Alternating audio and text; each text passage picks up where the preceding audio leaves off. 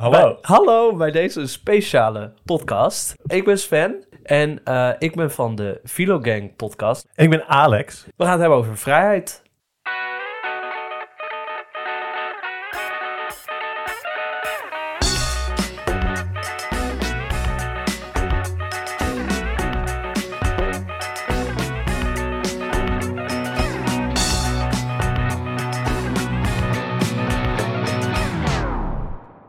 Welkom. Hallo. Bij, hallo bij deze speciale podcast. Ik ben Sven. En ik ben Alex. En uh, ik ben van de Philogang podcast, een podcast over filosofie. En ik ben hier van de Onderstroom, een politiek radicale podcast over linkse ideeën en praktijk. Ja, en ik doe het normaal gesproken met Hanna, maar Hanna die is er even niet en ik, ik wel. Sven, uh, welkom. Welkom bij Onderstroom. Yes. Um, ik ben heel blij om je hier te hebben. Um, ik luister af en toe je, af en toe je podcast en we, we, we kletsen wel eens online. Um, en ik dacht, je hebt een leuke uh, persoon om het samen over vrijheid mee te hebben, omdat we in, in gesprek wel een klik hebben. En we hebben natuurlijk bepaalde dingen gemeen, ook in hoe we met de podcast omgaan. maar ik zie ook een interessant uh, verschil en daarom dacht ik van, misschien kunnen wij samen op dit moment uh, deze podcast doen. Juist ook omdat het een wat filosofischer begrip is. Maar dat ook juist zeg maar, praktisch handen en voeten uh, uh, moet hebben. Um, en dan, dan, plaats ik ons zomaar op dat spectrum. Maar we zijn allebei natuurlijk gewoon handelende mensen die ingrijpen in de omgeving. maar qua podcast dacht ja. ik dat is een, dat is een fijne, fijne verbinding. Um, Philogang is natuurlijk een enigszins politiek aangedane uh, filosofie podcast die uh, in zo'n soort van alledaags mogelijke bewoordingen uitlegt uh, hoe allerlei concepten werken. Jullie hebben daar heel expliciet een aantal regels voor, voor hoe jullie erover praten. En bij ons hebben we die regels niet, maar we proberen wel over het algemeen dingen zo alledaags mogelijk en zo, zo praktisch toegankelijk mogelijk te maken. en dat respecteer ik heel erg aan jullie podcast. dus ik ben heel blij dat je dit samen wil opnemen. en ik denk dat het een hele leuke aflevering samen wordt. Ja, ik denk het ook. Heel erg bedankt voor je uitnodiging. Ja. Graag gedaan. We gaan het hebben over vrijheid vandaag. Uh, want één, het is bijna 5 mei. Deze aflevering komt sowieso uit op 2 mei. Mm -hmm. um, dus het is een relevant onderwerp. En iets was bij jou naar boven gekomen. Ja. Waar, wat voor jou ook een uh, aanleiding was ja. om mij even een bericht te sturen. Ja, dat klopt. Kijk, ik wou het hier al een tijdje over hebben. En, en met onderstroom is het begrip vrijheid alles langsgekomen als deel van onze serie over liberalisme. Maar ik, wou er meer aandacht gericht aan geven, omdat het zo'n groot politiek uh, thema is. Maar toen hoorde ik dat uh, het comité 4 en 5 mei, dus het gaat over de herdenking van de Tweede Wereldoorlog en de slachtoffers en de viering van de vrijheid van Nederland, dat zij een, een vrijheidsboekje hebben uitgebracht waarin ook uh, Terry Badet wordt geïnterviewd als iemand die een heel interessante en relevante definitie van vrijheid zou hebben. Um, en uh, dat vind ik zo schrijnend en zo'n soort van teken van wat er mis is met hoe we over vrijheid nadenken. Dat iemand die uh, zo goed als openlijk een, een fascist is en neonazies in zijn partij soort van aanmoedigt, promoveert, nooit afstraft, die fascistische schrijvers uh, aanraadt en uh, zich daardoor geïnspireerd noemt, die allerhande racisme aanmoedigt en ja, gewoon eigenlijk tegen alle zinvolle definities van vrijheid ingaat. Daarvoor als een soort van normale persoon en zelfs een, interessante persoon om over vrijheid mee te praten, dat dat acceptabel is voor zo'n instituut als het comité 4 en 5 mei. Um, dat deed mij toch wel even aan de bel trekken. In ieder geval bij iemand waarvan ik dacht... daar kan ik mijn ei mee kwijt... om eindelijk toch die aflevering maar te doen. Ja, precies. Ja, dat is natuurlijk fucking belachelijk dat dat zoiets gebeurt. Het, is, het, staat nog online, uh, dat, dat, dat hele boek. Hè. Je kon het ook kopen. Ik weet niet of je het nog steeds kan kopen, want het is in 2015 of zo uitgegeven. Zag ik op de website. Maar ja, ik bedoel, het, 14, het, het 4, 5 mei dat in een zeg maar, Ja. context zo iemand interviewt over vrijheid. Dat is compleet belachelijk. Dus eh, we dachten, dan moeten we het over vrijheid hebben. En eigenlijk dat, eh, kwam jij met het eh, voorstel om het daarover te hebben. En het dan dat, dat de, het gesprek wat we, of de gedachten die we hebben over vrijheid een beetje te verschuiven. Mhm. Eh, dat eigenlijk terug te pakken van, eh, van eh, rechtse of fascistische gedachten daarover. Omdat we dan, nou ja, dus niet meer het, een fascist die het heeft over vrijheid in de herdenking ja, van ja. de Tweede Wereldoorlog. Ja, het is voor mij, zoals jullie misschien weten bij Onderstroom, is het verboden om het over de actualiteit te hebben. Dus daarom heb ik, eh, heb ik het nu pas aangegrepen in plaats van vijf jaar geleden toen mijn podcast nog niet bestond. Ehm, we willen het inderdaad hebben over een, een definitie van vrijheid en eh, hoe wij dat in zouden vullen op basis van verschillende soort van filosofische ideeën daarover en soort van praktische, praktische argumenten. Ehm, en dan het gaan hebben over wat, er allemaal, wat gaat er verkeerd wanneer er over vrijheid gesproken wordt over het algemeen. Ehm, eh, en die twee dingen eigenlijk een beetje samenbrengen. Jij hebt het al eerder over vrijheid eh, gehad op je podcast. Dat was met eh, liberalisme, zei je. Ja. Wij hebben een podcast over Arendt, over Hannah Arendt, over Michel Foucault en over Chantal Mouffe. En daar gaat het ook allemaal over vrijheid. En vooral die eerste twee zullen ook dit gesprek een beetje, zeg maar, vanuit mijn kant, eh, met die in mijn achterhoofd. Misschien zou ik die af en toe ook even opgooien, zeg maar. Eh, waarom ik die dan relevant vind. Zeker als we het hebben over nou ja, de, de, de wat eh, individualistischere take op, op vrijheid. Ehm, Ja, dus we, we hebben toch gezegd van nou, vrijheid wordt eigenlijk eh, van alle kanten mee aan de haal gegaan. Eigenlijk. En soms voelt het gewoon heel moeilijk toegankelijk. En of in ieder geval. ehm, soms, soms zeg maar dat het een beetje een soort van moment van wansmaak krijgt. Van oh, iemand praat over vrijheid. Dan heeft hij vast iets met de VVD te maken of zo. ja, ja. Ehm, en dat, dat is denk ik een symbool van hoe, hoe ver mensen met dat, met dat ding zijn weggelopen. Maar zullen we dan beginnen met even kort iets neerzetten wat, wat wij qua vrijheid, zeg maar, als opvatting zijn? ja, goed idee, goed idee. Dus zeg maar, vrijheid is zo'n een begrip en dan hebben mensen erg een gevoelswaarde bij van het, het heeft te maken met kunnen doen wat je wil, niet tegengehouden worden, ehm, zelf dingen kunnen eh, bepalen, ehm, niet zomaar in de gevangenis zitten. Ehm, een aantal soort van tegenovergestelde van vrijheid zijn dan dingen als eh, eh, slavernij bijvoorbeeld, is dan waarschijnlijk de, de meest tekenende. Eh, maar ook dingen als eh, dictatuur of ehm, eh, een soort van een segregatie waarbij sommige mensen wel mee mogen bepalen aan dingen en andere mensen niet. Ehm, eh, maar dus, dus het- bij vrijheid zitten heel veel andere definities nog in. En tegenwoordig is er heel veel dingen rondom vrijheid. Dus over ondernemerschap. Ehm, maar als we dus zelf kijken van, oké, hoe willen we vrijheid dan neerzetten? wordt vaak gekeken vanuit, zeg maar, twee kanten van de munt. Zeg maar, vrijheid heeft twee kanten van de munt. En dat is de, de positieve kant en de negatieve kant. En de negatieve kant is niet slecht. Ehm, maar dat is een, eh, een definitie waarbij er alleen maar van vrijheid afgevallen kan worden. Dus je hebt ehm, de positieve vrijheid is, je kunt zelf dingen maken en bepalen en opbouwen en, en soort van de wereld inbrengen. En de negatieve kant zegt, je kunt allemaal dingen doen. En ehm, je vrijheid kan alleen maar ingeperkt worden door dingen die jou tegenhouden. Ja, precies. Is dat, eh, want eh, ik heb hier een citaat van eh, Charles Taylor. Ik bedoel, we zijn toch, ik kan mezelf niet tegenhouden om filosofen te citeren in zo'n podcast. Ehm, het is uit een tekst What's Wrong with Negative Liberty?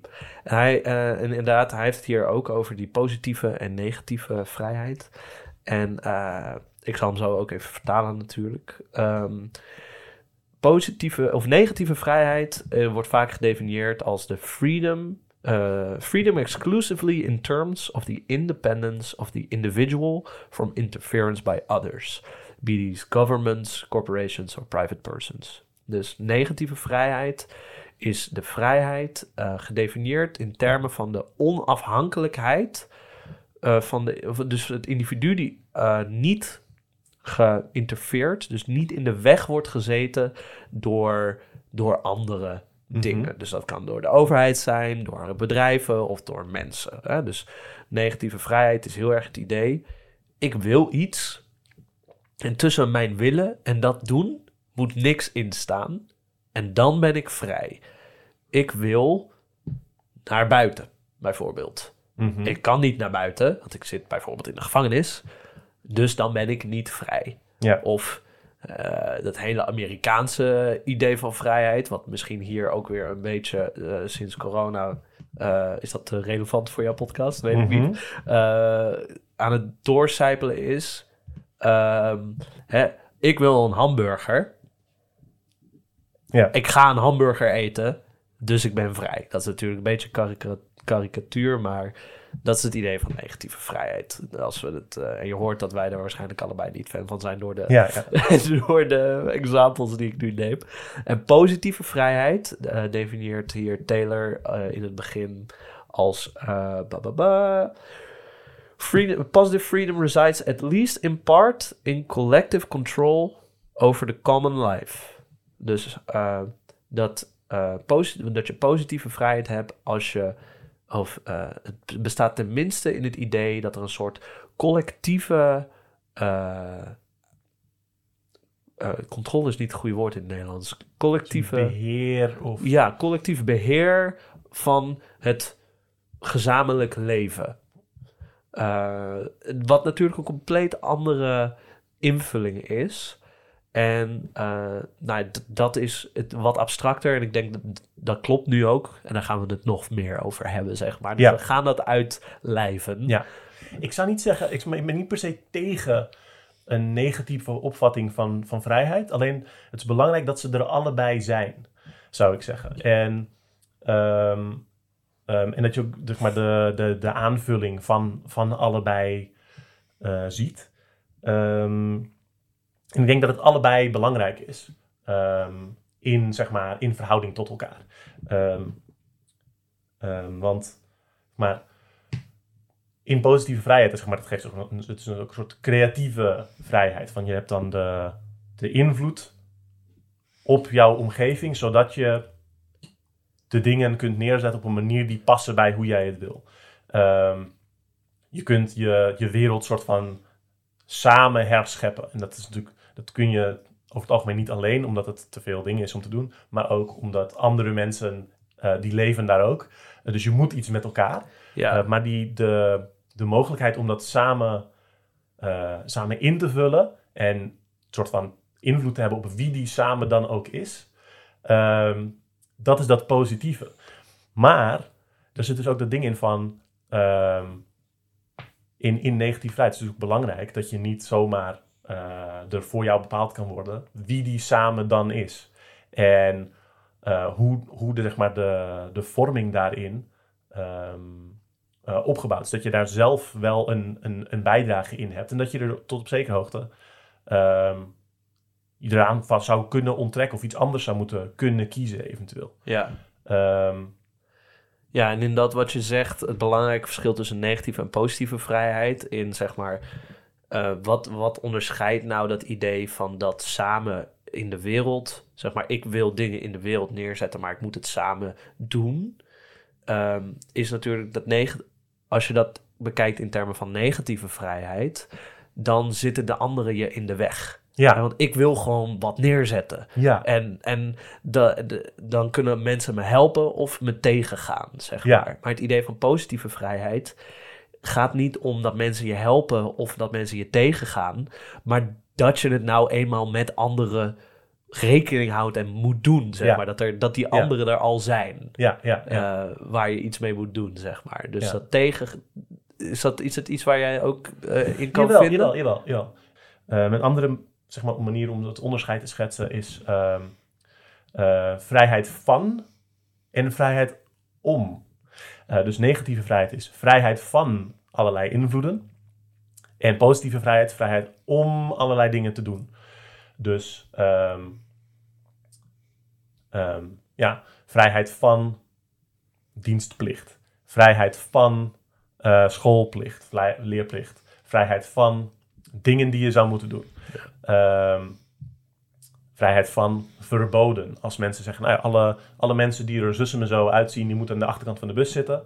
Uh, dat is een, een inbraak op waar zij kunnen zitten. Dus hun, hun negatieve vrijheid wordt verkleind.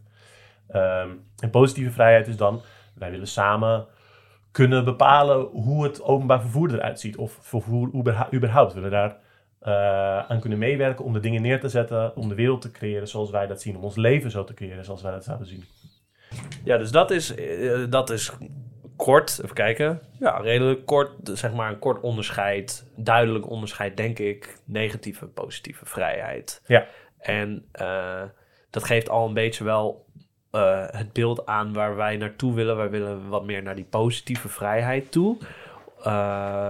Omdat we denken dat nou, alleen negatieve vrijheid nu heel erg groot is, het idee daarvan. Dat dat is de dominante manier hoe er in de maatschappij naar vrijheid gekeken wordt. En dat is de dominante manier waarop mensen erover praten in talkshows, in eh, kranten, in boeken, et cetera. En we zouden graag een ander geluid daarover willen horen. Ja, Eh, eh, vrijheid is natuurlijk nu een eh, term die, na corona, die je in de coronatijd heel erg op hebt zien komen. Omdat daar natuurlijk heel veel verboden zijn ja, gebeurd. Right? Er mocht, op een gegeven moment was er een avondklok. En dan, dan hoor je dus ineens leuzen uit eh, vaak wat rechtsere groepen. eh, liefde, vrijheid, Ja, geen ja, ja. dictatuur. Eh, en dat is natuurlijk het idee dat, dat we vrijheid verloren hebben in die, door die maatregelen. ja. Ehm, En dat, dat, zeg maar, dat, dat is ook zo. ja. Ehm, bijvoorbeeld, eh, de avondklok is een, is een in- inbreuk op hoe mensen zich mogen bewegen. Dat is heel duidelijk een inperking van negatieve vrijheid. En ook, eh, dat was ook een hele heftige eh, en vrijheidsbeperkende maatregel, die overigens niet zoveel bereikte. En, het is compleet terecht dat de mensen daar heel hard tegen Ja. ingingen. Echt. Eh, dat sinds de Tweede Wereldoorlog was dat zeg maar niet, Ja. niet, niet gedaan. Ehm, en je merkt ook dat dus in de coronacrisis bijvoorbeeld heel veel, eh, heel, veel eh, rechten zeg maar, ingeperkt werden. En dan is het natuurlijk heel begrijpelijk dat heel veel mensen daar eh, heel boos over werden. Ja, eh, precies. En compleet terecht. Het Ja, ding ja. is, waar precies werd dan dat debat naartoe geleid? Ja, Door de mensen die, die het vrijheid hebben geroepen. ja, En dat, dat is dan de vraag. En tuurlijk, die rechten zijn moeten niet ingeperkt worden. Zeg maar, we hebben nou eenmaal een grondwet en het is een beetje, het wordt een beetje creepy als de overheid die aan hun laars begint te lappen. Dat is toch een beetje ah, maar ehm, eh, het idee dat bijvoorbeeld eh, mondkapjes een vrijheidsbeperking zijn, ja, dan denk ik zelf toch van... oké, dan moeten we toch even gaan kijken wat we bedoelen precies met Ja. vrijheid. ja, ja, ja. Want als, als dat het probleem wordt... ja. dan hebben we misschien een beetje een ondiep besef... van wat vrijheid nou eigenlijk inhoudt. Precies. Ja. Dus zeg maar, als je het hebt over zeg maar, wat de vrijheidsbeperking rondom corona, dan heb je het over bijvoorbeeld de avondklok of over dat eh Viktor Orbán in Hongarije eh, noodwetgeving vanwege corona gebruikt om de rechten van eh LGBTQIT eh, gemeenschappen in te perken. Ehm, dat is zeg maar een vrijheidsbeperking die ertoe doet en heel veel mensen raakt.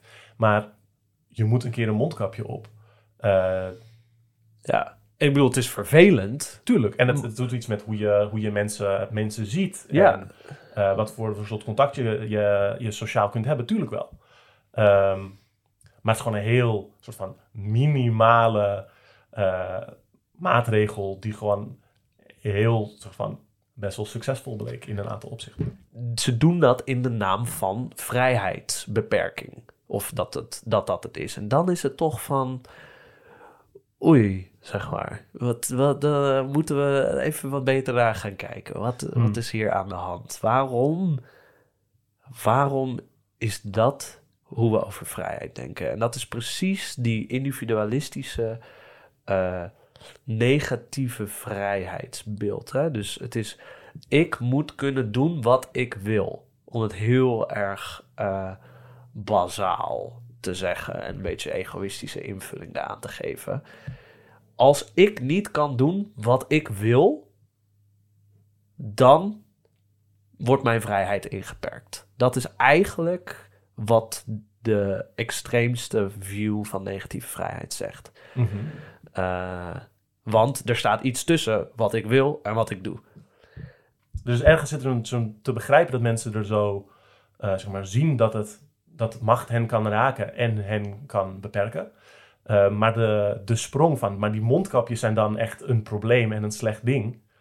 Dat, daar zit een hele gekke eh, disconnect in. En ook natuurlijk dat heel veel, voor heel veel andere mensen betekenen de mondkapjes dat ze wel kunnen bewegen. Omdat zij eh, bijvoorbeeld een, een extreme risicogroep zijn die eh, gewoon heel, heel grote kans hebben om gewoon te overlijden of echt langdurige kans, la- last te hebben van, van, eh, van een COVID-besmetting, meer dan anderen. Ehm, ehm, en dan heb je dus inderdaad die de ding van, wat wordt er gekozen als dit is echt een inperking op mijn vrijheid, versus andere dingen die we niet erg vinden. Eh, Taylor in, dit, eh, in deze paper, What's Wrong with Negative Liberty, eh, heeft het over. hij heeft, geeft een voorbeeld. Hij zegt in. hij zegt volgens mij in Algerije was religie verboden. Aha. Eh, en ik weet niet of dat eh, echt zo is of dat het een soort meer een gedachte-experiment van hem is. Oké. Uh, hij zegt, dat is wat we allemaal intuïtief als een inperking van vrijheid zien. Ja. Uh, hij zegt, in Londen staan heel veel stoplichten. Ja. Dat zien we intuïtief niet per se als, als vrijheidsbeperking, een stoplicht. Mhm. En wat nou als de, de staatshoofd van uh, Algerije zegt... Uh, ja, hallo, in Londen zijn ze veel onvrijer... want per persoon kom je per dag veel meer vrijheidsbeperkingen tegen... Ja. namelijk stoplichten. Ja. Dan hier. hier. Een stoplicht zegt je gewoon dat je niet mag lopen. Ja. Het is zo'n basis lichaamsfunctie die je niet mag vervullen. Er wordt gewoon bepaald door een, een apparaat dat je het niet mag lopen. Dat is extreem. Uh, ja, ja, ja. ja maar en, je kunt dat makkelijk zeggen. Ja, ja, precies. Dat, dat zou je kunnen zeggen. En binnen dat, dat idee van negatieve vrijheid maakt het ergens het, het, het, het, het kernidee. Kan je dat zeggen? En dan is dus de vraag: oké, okay, wat kunnen we hier, hier uithalen? Is het idee dat we toch sommige beperkingen erger vinden dan andere. Mm -hmm. En dat zegt iets over de waardes ja. die wij als individuen of als maatschappij hebben. Dus wat zegt het over individuen of maatschappij dat we het heel erg vinden om mondkapjes te dragen, uh, in tegenstelling tot. Uh, dus dat ik een mondkapje moet dragen en wat je zei, dat, dat andere mensen daardoor juist weer naar buiten kunnen. Hè? Ja. Uh, wat, wat zegt dat over ons dat we die dingen, dat we vrijheid van meningsuiting, als, we, als dat niet kan, dat we meteen cancel culture schreeuwen. En dat als we uh, mondkapjes op moeten, dat mensen ook meteen over de rooi gaan over Ja, vrijheid. Ik weet niet precies wat het zegt, maar het zegt wel iets. Maar ja, dat is, nou, wat ik interessant aan vind is dat je zeg maar, um, je zegt echt we. En er zijn natuurlijk verschillende mensen en verschillende groeperingen. En ik denk dat het heel vaak een kwestie is van, van definitiestrijd. Ja. En van macht en mediamacht en invloed. Um, en er zitten dus, als we het hebben over, kijk, hoe kijken we naar vrijheid? Dan gaat het om ideeën. Um, en de verspreiding van ideeën. En uh, dus wij, wij, jij en ik, we zien ook allebei dat op een bepaalde manier vrijheid uh, tot een rechtser begrip is gemaakt. En mensen associëren dat ook zo. Zeggen ze, links is voor gelijkheid en rechts is voor vrijheid. En het worden gezien ook als tegengestelde, dingen. Um, maar als je alleen op die ideeën gaat raken, gaat, gaat kijken, dan, um, uh, dan mis je heel erg de, de, de, de politieke kanten van het, het performatieve. En dan bedoel ik dus zeg maar dat je... Um, performatief is zeg maar, je zegt iets om het waar te maken. Je zegt iets om uh, te laten zien van dit is wat het is. En dit is dus het ding dat je hoort. Je krijgt dat mee. En zo, het is fake it till you make it, maar dan op industriële schaal. Ja. Um, en dat is heel erg wat er gebeurt. Um, en vaak merk je dus ook dat, um, uh, dat dit uh, juist ook een heel politieke begrip als vrijheid, eigenlijk met alles, maar specifiek met zulke dingen, dat het heel erg gebruikt wordt als een gelegenheidsargument. En dat mensen er helemaal niet algemeen consistent in zijn. Dus dat je gaat zien van, oké, okay, um, bijvoorbeeld dat ding van een, mo- een mondkapje is een vrijheidsbeperking, maar dat, dat met die, met die eh, eh, mensen die niet eh, naar Europa mogen vluchten als ze gebombardeerd worden, dat is, dat is, dat is geen vrijheidsbeperking. Of dat vinden we niet erg. Het Ja. is niet op dezelfde manier erg. We, ehm, sommige mensen wel en anderen niet. Ja. En die, die mensen gedragen zich anders en die zitten deels in andere Ja, sociale ja, kringen. Precies, ja, ik gebruik we in de zin van eh, de, de mensen die, de dingen die binnen de Nederlandse landsgrenzen gebeuren. Ja, ja, ja. en daar zitten we dan maar bij. Ja. Maar we worden het wel zo aangeleerd. We worden vanuit, zeg maar, er zijn bepaalde soort van verbindende, soort van algemene instituties die ons dingen uitdragen over wat is vrijheid. ja precies. Ehm, en daarom is het zo, zo pijnlijk dat eh, Thierry Baudet dus eh, als een markante denker met inspirerende ideeën over vrijheid in zo'n boekje wordt opgenomen. Ja. Omdat het doet alsof dat, dan wordt er voorgesteld alsof dat een normale, gangbare mening over vrijheid is. Ja, Terwijl dit is, dit is iemand die gewoon eh nazi's goed praat. Eh, en er zelf een is. Ehm, het, gewoon niet in ieder geval een fascist. Ja, ja. Ja, goed, prima. Ehm, en het, zijn gelegenheidsargumenten Ja. in die zin. En dat merk je, zeg maar, je hebt, er is dus een heel ge- geïndividualiseerd beeld van vrijheid.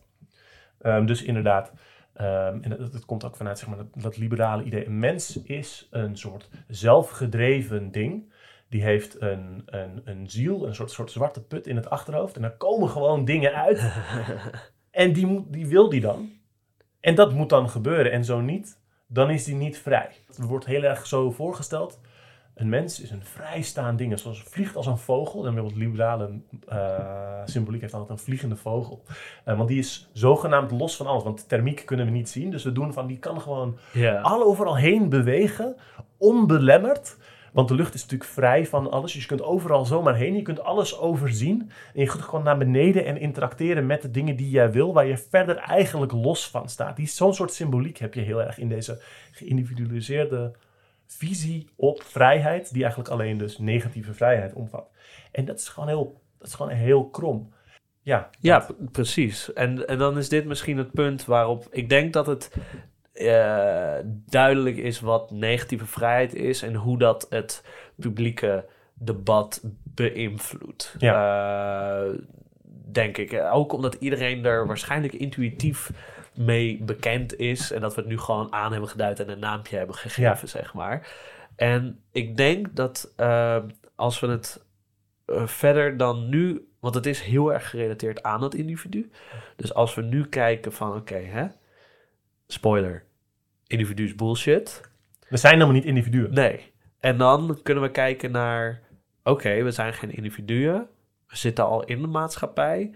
Wat betekent dat dan voor vrijheid? En hoe komen we dan vanuit daar naar dat positieve idee van vrijheid? En hoe ziet dat er dan uit? Ja, ja, ja. Is dat een eh, strak plan? Nou, ik vind, ik vind het wel interessant. ehm, ik vind dat een heel strak plan.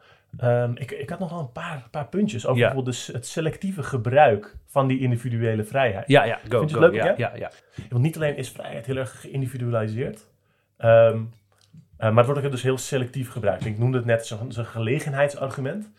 Ehm, en dat zie je bijvoorbeeld als je het hebt over dus het ding van, oh kijk, eh, ehm, als iemand, zeg maar, ehm, als wordt gezegd van deze schrijver, daar willen we geen boeken meer van kopen, want die heeft iets verschrikkelijks gedaan. Of want deze boeken, die hebben eigenlijk een, een bepaald soort onderdrukkende ondertoon. Iets racistisch of iets, weet ik veel, eh queerfobisch of misogyn, whatever. Ehm, dan is dat een beperking van de vrijheid van meningsuiting. Dan is dat cancel culture. ja. Ehm, want ehm, als jij andere mensen zegt, ik heb deze mening daarover en ik wil daarom deze schrijver niet steunen en ik denk dat jij eigenlijk dat ook niet zou willen als je wist hoe slecht het was, ehm, dat is natuurlijk mijn, mijn vrijheid om dat te ja. zeggen. Ja. En, en, ik, eh, en het is ook geen censuur. Het is, ik vind dit belangrijk en ik wil dat niet versterken. En ik vertel dat in mijn netwerk met mijn ruimte die ik heb. Ehm, dat is cancel culture. Dat Ja. is woke, dat is slecht. En dat is, dat is echt een aanval op, op onze vrijheden. Tegelijkertijd wordt er eh, vanuit eh, conservatieve hoek, rechtshoek, wordt er constant censuur gepleegd. Namelijk, ze zijn constant bezig eh, in de politiek bijvoorbeeld. om inhoud van lessen op scholen een rechtser te maken. Om linkse invloeden weg te zuiveren. Ehm, eh, Jordan Peterson en bijna elke uh, rechtse groep ooit, die hebben altijd, maken altijd lijsten van ehm, linkse docenten, die, pro die proberen ze aan te pakken. Van uh, linkse vakken, linkse boeken, die proberen ze allemaal weg Ja. te zuiveren. En zeg maar, dit is de politiek, dit mag niet in het, eh, dit mag niet in het curriculum, Ja, maar dat is deze dan- rechtse shit is allemaal prima. Dat is gewoon Dat is vrijheid dan geen cancel culture. Nee, Nee. nee, nee, nee, nee. nee. Nee, daar doen zij natuurlijk niet aan mee. Nee, nee, nee, helemaal niet. Helemaal niet. Nee, dat is gewoon een heel net eh, soort van een, een neutraal curriculum proberen neer te zetten. Ja, en dat is, inderdaad, dat is inderdaad dat idee. eh, hè, je kan dan zien, oké, wanneer gebruik je vrijheid en wanneer gebruik je dat is slecht of zo. Ja, Hè? En dan, dan kom je toch, oké, je wil gewoon je eigen hachje redden. ja, Eh, je ja. wil gewoon doen wat je, je, je betrekt vrijheid als een heel egoïstisch ding. Ik wil doen wat ik wil. En als mensen mij in de weg staan, dan cancelen zij mij. Maar als Ja, ik mensen in de weg wil staan, dat is mijn vrijheid om dat te doen. ja. dus dat is. Ja. En eh, Het, het is gewoon een politieke strijd. Maar we doen vaak alsof het een, een algemene soort van discussie is over wat betekent vrijheid nou? ja, ja, precies. Die, die politieke strijd, het is compleet logisch dat mensen dat doen. Zeg maar. Want je bent de hele tijd bezig met je politieke tegenstanders. eh, Even, of in een debat of op een andere manier, zeg maar, te zeggen van jullie kloppen niet en ik klop wel. Weet je Ja. wel, dat is politiek. Ja, Dat is niet. En, en, maar dan zie je dat het concept vrijheid een, een rol is gaan spelen in die politiek. In en zij zijn ermee weggelopen. Ja, Ze zijn ja. er succesvol in geweest. Precies. En dat is, en maar ze pretenderen dat hun politiek soort van op vrijheid gebaseerd is. Ja. Zeg maar, hun politiek komt uit vrijheid. Mhm. Maar je ziet in die hypocrisie die je aantoont, nee, dat vrijheid is gevormd binnen hun politiek. Ja, ja, ja. En dus als op het moment dat je daar niet van bewust bent, betekent dat dat als jij dat vrijheidsideaal van hun aan gaat hangen, Ja. dat jij automatisch in die rechtse politieke stroom gezogen wordt. Ja. Want die twee zijn bij hun niet los te zien. ja, precies. Eh, bij niemand waarschijnlijk niet, maar eh, daar al helemaal niet. Ja. Een andere is, vind ik ook, zeg maar, een vergelijkbaar ding. Net een, net een andere eh, mechaniek zou ik zeggen. Is dat ding van, je hebt individu en collectief. En het individu hoort ook bij vrijheid eigenlijk, symbolisch. En het collectief hoort bij gelijkheid. En dat is, dat is een ding dat tegen elkaar uitgespeeld wordt. Ehm, en dat is natuurlijk een soort van een, een oneerlijke wedstrijd. Het, is, het individu wint het van het collectief, want het ene is de hoofdpersoon in Star Trek en de andere is de Borg. dus de ene is persoonlijk, kun je iets van vinden. Ja, een goede, slechte kant, maar is wel echt mens. En die andere is gewoon een soort gekke, gekke massa. Ja, zo'n beetje onmenselijk. Ehm is wel ook vrijheid tegenover gelijkheid wordt gesteld als, als tegengesteld. Ehm, en wordt gedaan alsof eh, eh, radicale, progressieve, bla bla bla, alsof die niet om vrijheid geven, maar alleen om, om een soort gelijkheid die een soort, eh, soort ijsklopje, ijs, ijs eh, blokjesbak is waar iedereen zo ingeperst moet worden. Wat Ja. natuurlijk ook helemaal niet waar is, wat juist andersom gebeurt. Maar het lange intro. Ja, dan komen we dus inderdaad. Ja, oké, Het gaan. voorbeeld, Ja. sorry, maar- sorry. Ik, het voorbeeld waar ik dus naartoe wil is dat ehm, individuen zijn, horen bij vrijheid. Individuen moeten dingen kunnen en collectieven moeten daarin een beetje beperkt worden, want die zijn veel, zoveel sterker dan individuen. Maar wie zijn individuen? Individuen zijn mensen die wij worden geleerd om naar te kijken als individuen. Popsterren zijn individuen. Ehm, politici ehm, die zeg maar, met hun persoonlijke gezicht op een talkshow verschijnen, die zijn individuen. Miljonairs die in tijdschriften verschijnen en bedrijven opkopen, eh, die zijn individuen. Wie zijn er collectieven? ja, ja, als je het over de miljonairs hebt, dan heb je het over de Amazon-werkers die, die, eh, die daar gewoon met z'n allen werken. En nou, Ja. dan komt er een orkaan over en dat is onhandig. Ja, precies. Zeg maar. Dus de, de, hoe, ja, we kennen allemaal Jeff Bezos, Mhm. maar wie, wie stellen we voor als eh, collectief zijn de werkers Ja. daar bijvoorbeeld. Ja, het is zo jammer dat, dat zo'n zo'n visionair, iemand met allemaal ideeën die gewoon zijn ding wil proberen te doen, dat hij er wordt tegengehouden door zo'n zo'n collectief van eh, een onzicht, zeg maar, gezichtsloze massa van, van mensen die gewoon alleen maar in de weg willen staan. Omdat ze willen kunnen eten en hun kinderen naar school willen Ja. krijgen. En dat ze soms naar de wc moeten. Ja, ze staan in, in de weg van Jeff Bezos om zijn tweede joyride naar de, naar de space te maken. Precies, en dat, dat, is, dat, dat, is, dat, dat is dat ding, zeg maar. Dat, het wordt zo selectief gebruikt en zo, het is zo ingevuld om eh, machthebbers meer invloed te geven. Maar Jeff Bezos, die beperkt constant de vrijheid van andere mensen. Want ehm, je, er wordt zo afhankelijk gemaakt van Amazon, het bedrijf waar hij de baas van is, dat je er heel moeilijk omheen kunt.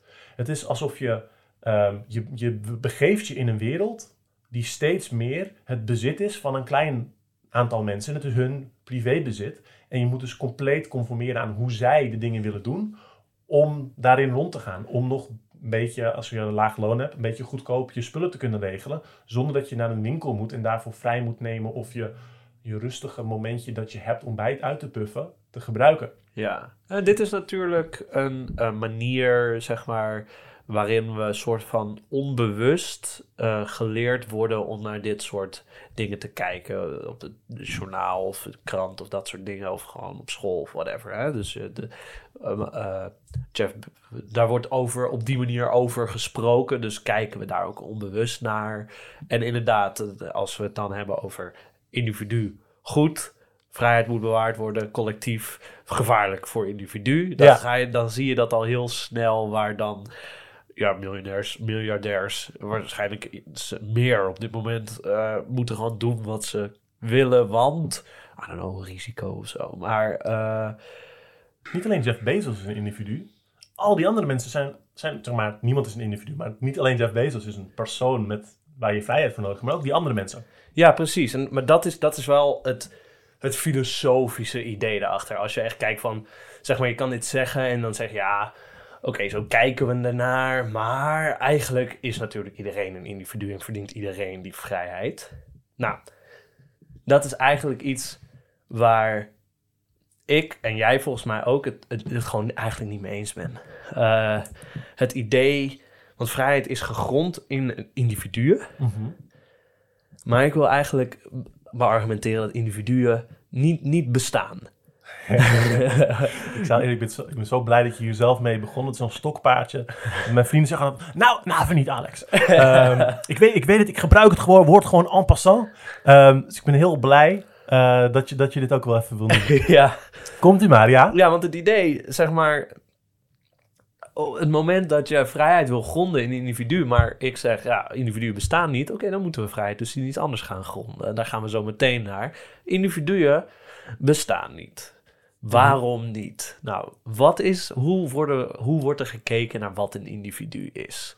Individuen zijn een soort eh, ding, een ondeelbaar ding. Hè? Dus, Daar eh, komt het woord ook vandaan. ja, individu. Hè? Dus Individare. Ja. Niet in, niet. Dividare is divide. Verdelen. Onverdeelbaar. Het soort van de, de atoom, de sociale atoom. Daaronder is er niks. Eh, en dat was aan een tijd dat atomen nog niet gespleten werden doorgaans. Ehm, dus dat was het ding van, dat is het, de kern waarvan je niet kleiner kan kijken eigenlijk. het individu is dat. En dan, het is ondeelbaar. Het is, een, het, is het, het, het punt. Ehm, nou, dat is gewoon. En het, het andere idee dat daarover is, is dat het soort van. eh, er is voorafgaand aan hè, de, de andere mensen, de wereld. Dat er gewoon een soort kern in mij is. En dat ben ik. Die, die kern is ondeelbaar en die is een soort. Die is er eh, ontwikkeld redelijk los van andere mensen. Want dat is gewoon iets wat ik ben. Ja. Dat is het individu. Nou, dat is gewoon niet waar. Ik denk dat het ook te maken komt, eh, ook komt uit een soort, soort idee van de ziel. Iedereen heeft een Ja. unieke ziel. Ik, ik maak er even een vergelijking met een soort, een soort zwart gat waar gewoon, dat gewoon ideetjes uitspuugt of Ja. zo. Ehm, en daar, ik denk dat het idee daar heel erg vandaan komt ook. Ja, heel erg, denk ik. De, hoe we er nog steeds over nadenken, inderdaad. Hè? Die persoon, eh, dat ben. Is niet gewoon mijn lichaam, bijvoorbeeld. Want hè, ik kan mijn arm kwijtraken, ik ben nog steeds dezelfde persoon. Ja. Maar de, toch hebben we het, het, het vage vermoeden dat er iets in ons is wat, wat onveranderbaar Ja. moet zijn om dezelfde individu te blijven. Ja, dat is, eh, dualisme is dat deels, denk ik. Toch, in ieder geval, ik zie daar een verbinding mee. Dualisme, dus dat idee dat je ehm, al- als persoon ben je een geest en een lichaam. En die zijn een beetje apart van elkaar. En de geest is eigenlijk de belangrijkste. En Ja. die is puur en echt. En het lichaam is... eh, Ja, is, is, is een zak vlees wat je mee moet slepen. Ehm, dat is natuurlijk de extreme versie. Ehm, maar oké, waarom... En dan zeg je, Sven, je hebt nu gewoon het uitgelegd en ik ben het er eigenlijk mee eens. Eh, Nee, nee, waarom- nee, zeker niet. Nee, nee, nee. ik, ik zeg, ik zeg je tegen de luisteraars. Ehm, waarom, waarom bestaat zoiets nou gewoon niet? Het individu als iets wat op zichzelf staat, is iets. Dat is gewoon onzin, laten we het zo zeggen. De mens, of wie jij bent, wordt gevormd door jouw omgeving. Eh, sowieso is er een notie van de ziel waar ik... Ik bedoel, als jij gelooft dat er een soort ziel is die uit de hemel komt en dan eh, tot aarde, de aarde storten in dat lichaam of zo. Ja, dan, dat geloof ik gewoon niet. Dus dan wordt het een heel ander gesprek, zeg maar. Maar hè, wij worden geboren in een lichaam dat, nou, om het filosofisch te noemen, contingent is. Het is toeval dat dat lichaam op deze manier gevormd is. Het lichaam is gevormd onder bepaalde, bijvoorbeeld natuurlijke, om het maar even zo te zeggen, natuurlijke eh, noties, natuurlijke wetten. Daar ben ik niet helemaal mee eens, maar ik zou ik zeg het zo maar even. En uit dat lichaam ontstaat dan op een gegeven moment, dat lichaam komt een wereld in die er al was. En die wereld die geeft allerlei opdrachten aan dat lichaam. Dus eh, hier op e oh je wil eten, nou dat krijg je op deze manier. Uh, oh je wil lopen, dat doe je in, op deze manier. Mhm. Uh, oh je, wil, je hebt het koud, dan krijg je dit. Oh je wil interactie met je ouders, dan moet je dat zo doen, zeg maar. Je, je wordt in de wereld gegooid waar altijd al van alles voor jou bepaald wordt. Mhm. En daarin groei je op. Daarin, je bent niet iets los van al die dingen die daar al, zeg maar, al die restricties en uh, die restricties zijn natuurlijk ook uh, mogelijkheden. Mhm. Want als ik zeg, uh, ik wil eten, en dan moet ik dus blijkbaar huilen, want dan komen mensen. En dat geeft mij, dat is een, ik moet dat op die manier doen, maar dat geeft mij ook de mogelijkheid om dan eten Ja, ja. te krijgen. Uh, Dus je krijgt een soort, soort opstapeling van, van allerlei invloeden. eh, waar je dan op een bepaalde manier weer mee omgaat en dan weer op terugkijkt, et cetera, et cetera. Maar dat, dat is allemaal een, een sociaal proces om jou te maken en voortdurend ook, zeg maar, veranderend eh, Ja. door te maken. En mensen hebben heel erg het beeld van, oké, ik, heb een- ik heb een verhaal van mezelf. Ik een verhaal van hoe gaat het eruit zien. Ehm, maar dat verhaal verandert dus ook met de tijd. En mensen hebben vaak een heel ander idee na vijf jaar van wie ze zijn en hoe ze daar gekomen zijn. Ja, wat, ehm, er is een filosoof, eh Deleuze, die heeft dat, eh, ik vind dat een hele goeie. Deleuze heeft een idee eh, van Foucault gepakt. En, want Foucault, het is heel erg een, Foucault, Franse filosoof, Deleuze in diezelfde tijd Franse filosoof. Ehm, alles is sociaal gemaakt. Alles is altijd al, zeg maar, binnen machtsrelaties komt dat. Zeg maar, dat is wat ik net heb omschreven. Hè? Dus ik huil, er komt iemand die me melk geeft. Ehm, dat is, hij heeft daar een soort.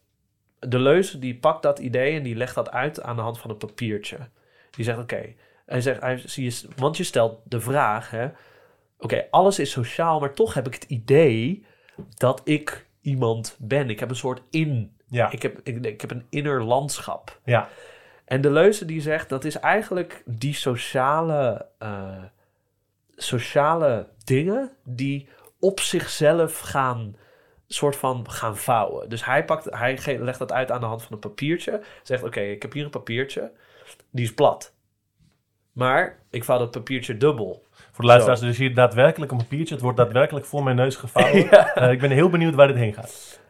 Dit was plat, maar er is nu een binnenkant. Ja, Een binnenkant die, die op zichzelf gevouwen is. En die nu ineens denkt van... hé, maar ik ben de binnenkant van een papiertje. ja. Ik ben wel degelijk iets. Wat niet alleen dat papiertje is, zeg maar. Ik ben hier gewoon depressief hier binnen. Het is hartstikke donker. Ja, ja. Dus op die manier legt... eh, en sn- snap je dat een beetje? Is dat, is dat logisch voor jou als ik dat op die manier uitleg? Voor mij was het namelijk heel logisch toen ik dat las. Ehm, is, is het punt dat ehm, het papier zou allerlei dingen kunnen zijn en het is het, het feit dat het zo gevouwen is door bijvoorbeeld een stel handen, ehm, dat maakt een, een bepaalde vorm en, en dat wordt tot de essentie van het ding gemaakt. Het papier is de binnenkant van het papier die zegt ik ben dit geworden, maar dit is, dit, dit is mijn zijn. Dit is essentieel aan mij. Een beetje, een beetje. Ik denk dat het net iets anders is, maar het is wel een goede, goede om eh, te hebben. Het is namelijk zo, oké, dit papiertje is gewoon de sociale omstandigheden. Hè? Al die banden waar ik het net over had. Dus eh, een moeder bijvoorbeeld, of eh, schoenen, of kleren, of scholen. En al die sociale dingen zijn in principe plat. Om in, in papiertermen. Dit is gewoon het veld van alle sociale relaties. oké. En als we dat dubbel vouwen, zo, een beetje, dan heb je dus ineens nog steeds hetzelfde veld aan sociale relaties, maar is er ineens een binnenkant. En wij zijn die binnenkant van dat papiertje. Ja, Maar dat er een binnenkant is, betekent niet dat er iets anders is dan al die sociale relaties. Ah, ja, oké. Er is niet ineens nu iets nieuws of iets, eh, iets wat compleet anders is dan dat papiertje. Nee, Ja. het is gewoon, doe dit thuis allemaal, pak een papiertje. Nee, het is gewoon, dat papiertje is nu dubbel. Ja, ja, ja. Dat, is, dat is die, en we hebben nu een binnenkant, ja, en wij zijn gaan geloven dat dat individu iets los staat van al die sociale relaties. We zijn, Net als het gat van een donut. ja, Ja, Ja. Ik, ik snap nu wat je bedoelt. En het, het, het, het, het mooie eraan is dat je, of in ieder geval iets wat ik daar heel mooi aan vind, ik kende dit nog niet, is dat eh, omdat je het uitlegt, ga je het met je eigen hoofd invullen. En dan zie je van, oh, mijn hoofd wil inderdaad maken dat er een binnenkant is. ja, Dat is een ruimte geworden en dat is... Dat heeft een, een bepaalde dingheid. Dat heeft, het is, je hebt het tot een ding gemaakt, terwijl het gewoon ja, wat, wat overblijft als je die ding, als je die sociale relaties, dat papiertje eromheen vouwt. ja, Ehm, en, en het illustreert dus meteen dat proces ook van ehm, met onze gedachten willen we dingen eh, ja, tot ding maken op die manier. En zo ook onszelf. We willen zo'n verhaal over onszelf hebben en ons dat eh, vertellen. Ja, precies. En het belangrijke is natuurlijk om te beseffen... eh, ik hoop trouwens dat jullie genoten hebben van de ASMR... die waarschijnlijk net gebeurd is met het papiertje. Maar eh, het belangrijke is niet om te ontkennen dat, dat die binnenkant er is. Want wij hebben een geleefde ervaring. Het belangrijke is om te erkennen dat dat in geen zins losstaat van de rest. Mhm. dat, en dat het niet een soort ondeelbaar ding is dat voorafgaat aan de sociale wereld. Dat dat een soort grond is waar we van een eindpunt van een analyse Ja, een, en waar we dan hè, vrijheid in kunnen gronden. ja. Laat me het misschien nog op een andere manier concreet maken. Er is een, eh, een boek, dat had ik ook naar jou toegestuurd, eh, geschreven door eh, Liza Gwenther. Ik weet niet precies hoe je haar naam uitspreekt. Canadese filosoof.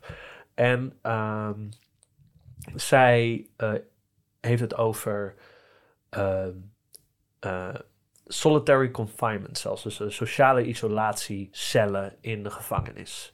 ja. En wat je daar dus ziet, is dat mensen die in die sociale isolatiecellen gestopt worden, ten eerste compleet eh, hun zelf verliezen. Zij verliezen elk contact wat zij of en, en hoe zij de wereld zagen, hoe, hoe zij zichzelf ervaarden, zeg maar. Er zijn mensen die die eh, er is, zijn namelijk eh, first-hand accounts van mensen die daarin hebben gezeten. En iemand die zegt: ik hoorde, ik hoorde iemand schreeuwen en kwam er pas na drie dagen achter dat ik dat was.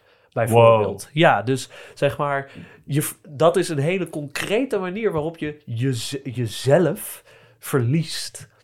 Eh, als jij iemand hoort schreeuwen en dan pas erachter komt dat jij dat bent, dan moeten we een individu moeten we gaan herdenken. Ja, ja, ja. hoe kan het dat mensen die een maand in een sociale isolatiecel zitten, doodgaan? Die zijn er. Mhm. Ze krijgen eten. Ze krijgen drinken. Ja, Het enige wat ze niet krijgen is contact met de buitenwereld. Is dat sociale ja, fabric. ja, ja, ja. Als dat er niet is en mensen vallen uit elkaar, wat is er dan Ja, ja, wel? Zeg maar, waarom vallen mensen uit elkaar als ze niet bij andere mensen zijn? ja, ja, ja. Hoe, ja. hoe heeft dat te maken dan nog? Hoe ben je dan nog een individu dat losstaat van andere mensen? Ja.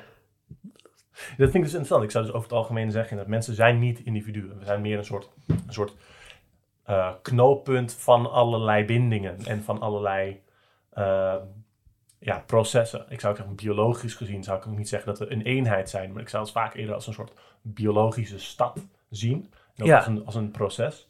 Ehm, en er leven natuurlijk allemaal andere wezens in ons lichaam. Ja, wij kunnen niet Eh, leven zonder bacteriën. We- Precies. Gewoon precies. niet. Punt. Ehm, en en, ehm, ehm, en dat, dat, die, die verandering daarvan, eh, dat, is, zeg maar, dat is niet een voorwaarde om ons zo sociaal te, te definiëren, maar het is wel iets dat het heel duidelijk laat zien.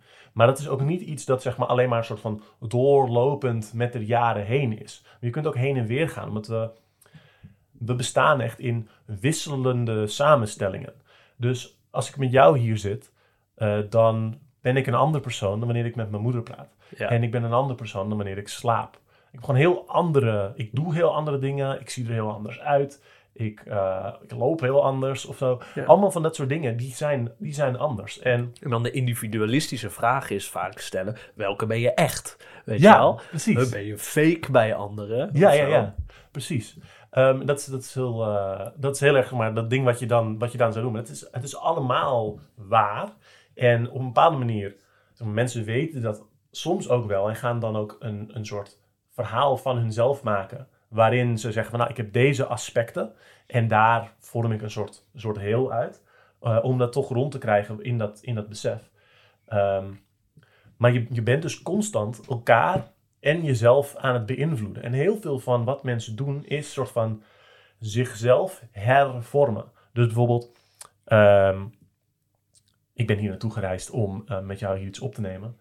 Ehm, en ik ga me dan een beetje ophypen. En ik ga dan bepaalde dingetjes vooraan in mijn geest halen. Ehm, en heel veel van wie ik eh, wil zijn, vereist van mij dat ik bepaalde dingen regel in mijn omgeving. Bijvoorbeeld dat ik notities bijhoud van dingen die ik vandaag wil zeggen. Of dat ik ehm, me kleed op een manier die ik vind dat past bij hoe ik eruit wil zien. En, en dat maakt heel erg uit.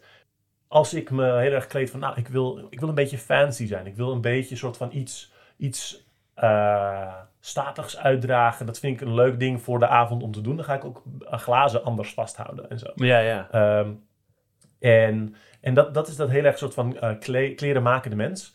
Ehm, dat is gewoon een heel concreet een, een manier waarop wij eh, samen bestaan met onze omgeving. Niet alleen de mensen, maar ook de gebouwde omgeving. De manier waarop jij je woonruimte, je werkruimte inricht, die verandert heel erg hoe jij je kunt gedragen, waarop je je kunt concentreren, ehm, welke dingen je belangrijk vindt. En dat, dat stuur je bewust Ehm, en ook bij elkaar. En je helpt elkaar daar ook in. Zeg van, hey, als ik nog een keer met Billy praat, kun jij dan alsjeblieft zorgen dat ik niet zomaar om als een shit lach? Want ik, wil, ik vind dat echt slecht en ik wil hem dat eigenlijk niet aanleren.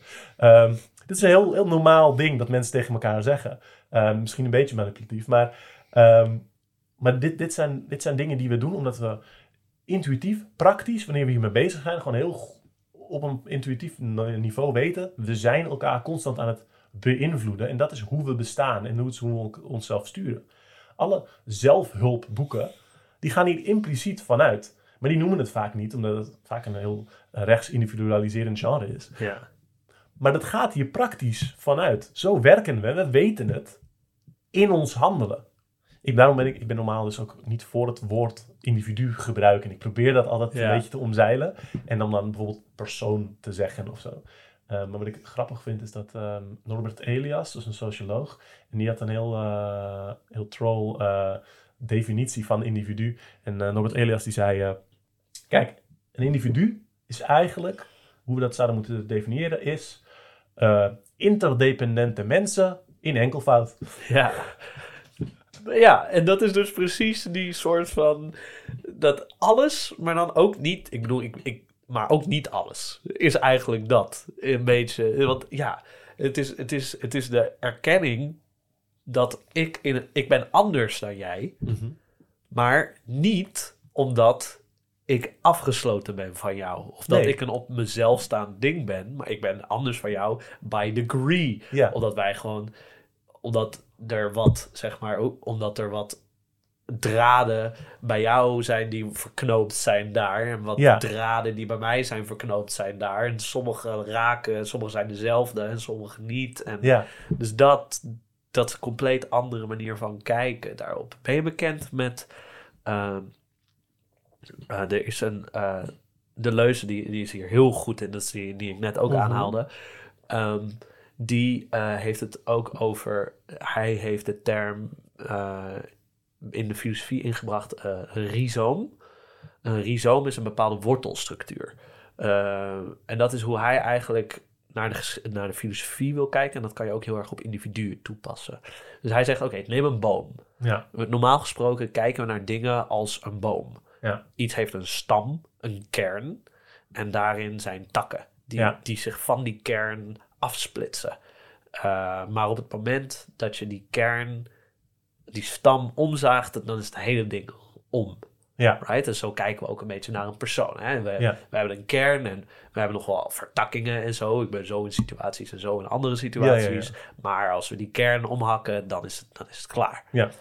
En de leuze wil eigenlijk naar een rhizomatisch perspectief, noemt hij dat dan. Want een rhizoom is een wortelstructuur dat bijvoorbeeld gember heeft. Oké.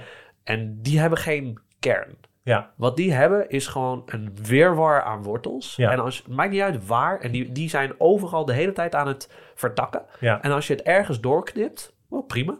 Dan gaat hij weer door daar. En dan zijn het nu twee verschillende dingen. Ja, en die gaat hij dus de hele tijd door. Ja. Er zit niet een, een basis waaruit die groeit, maar het is een, het is een soort gedecentraliseerd wortelnetwerk.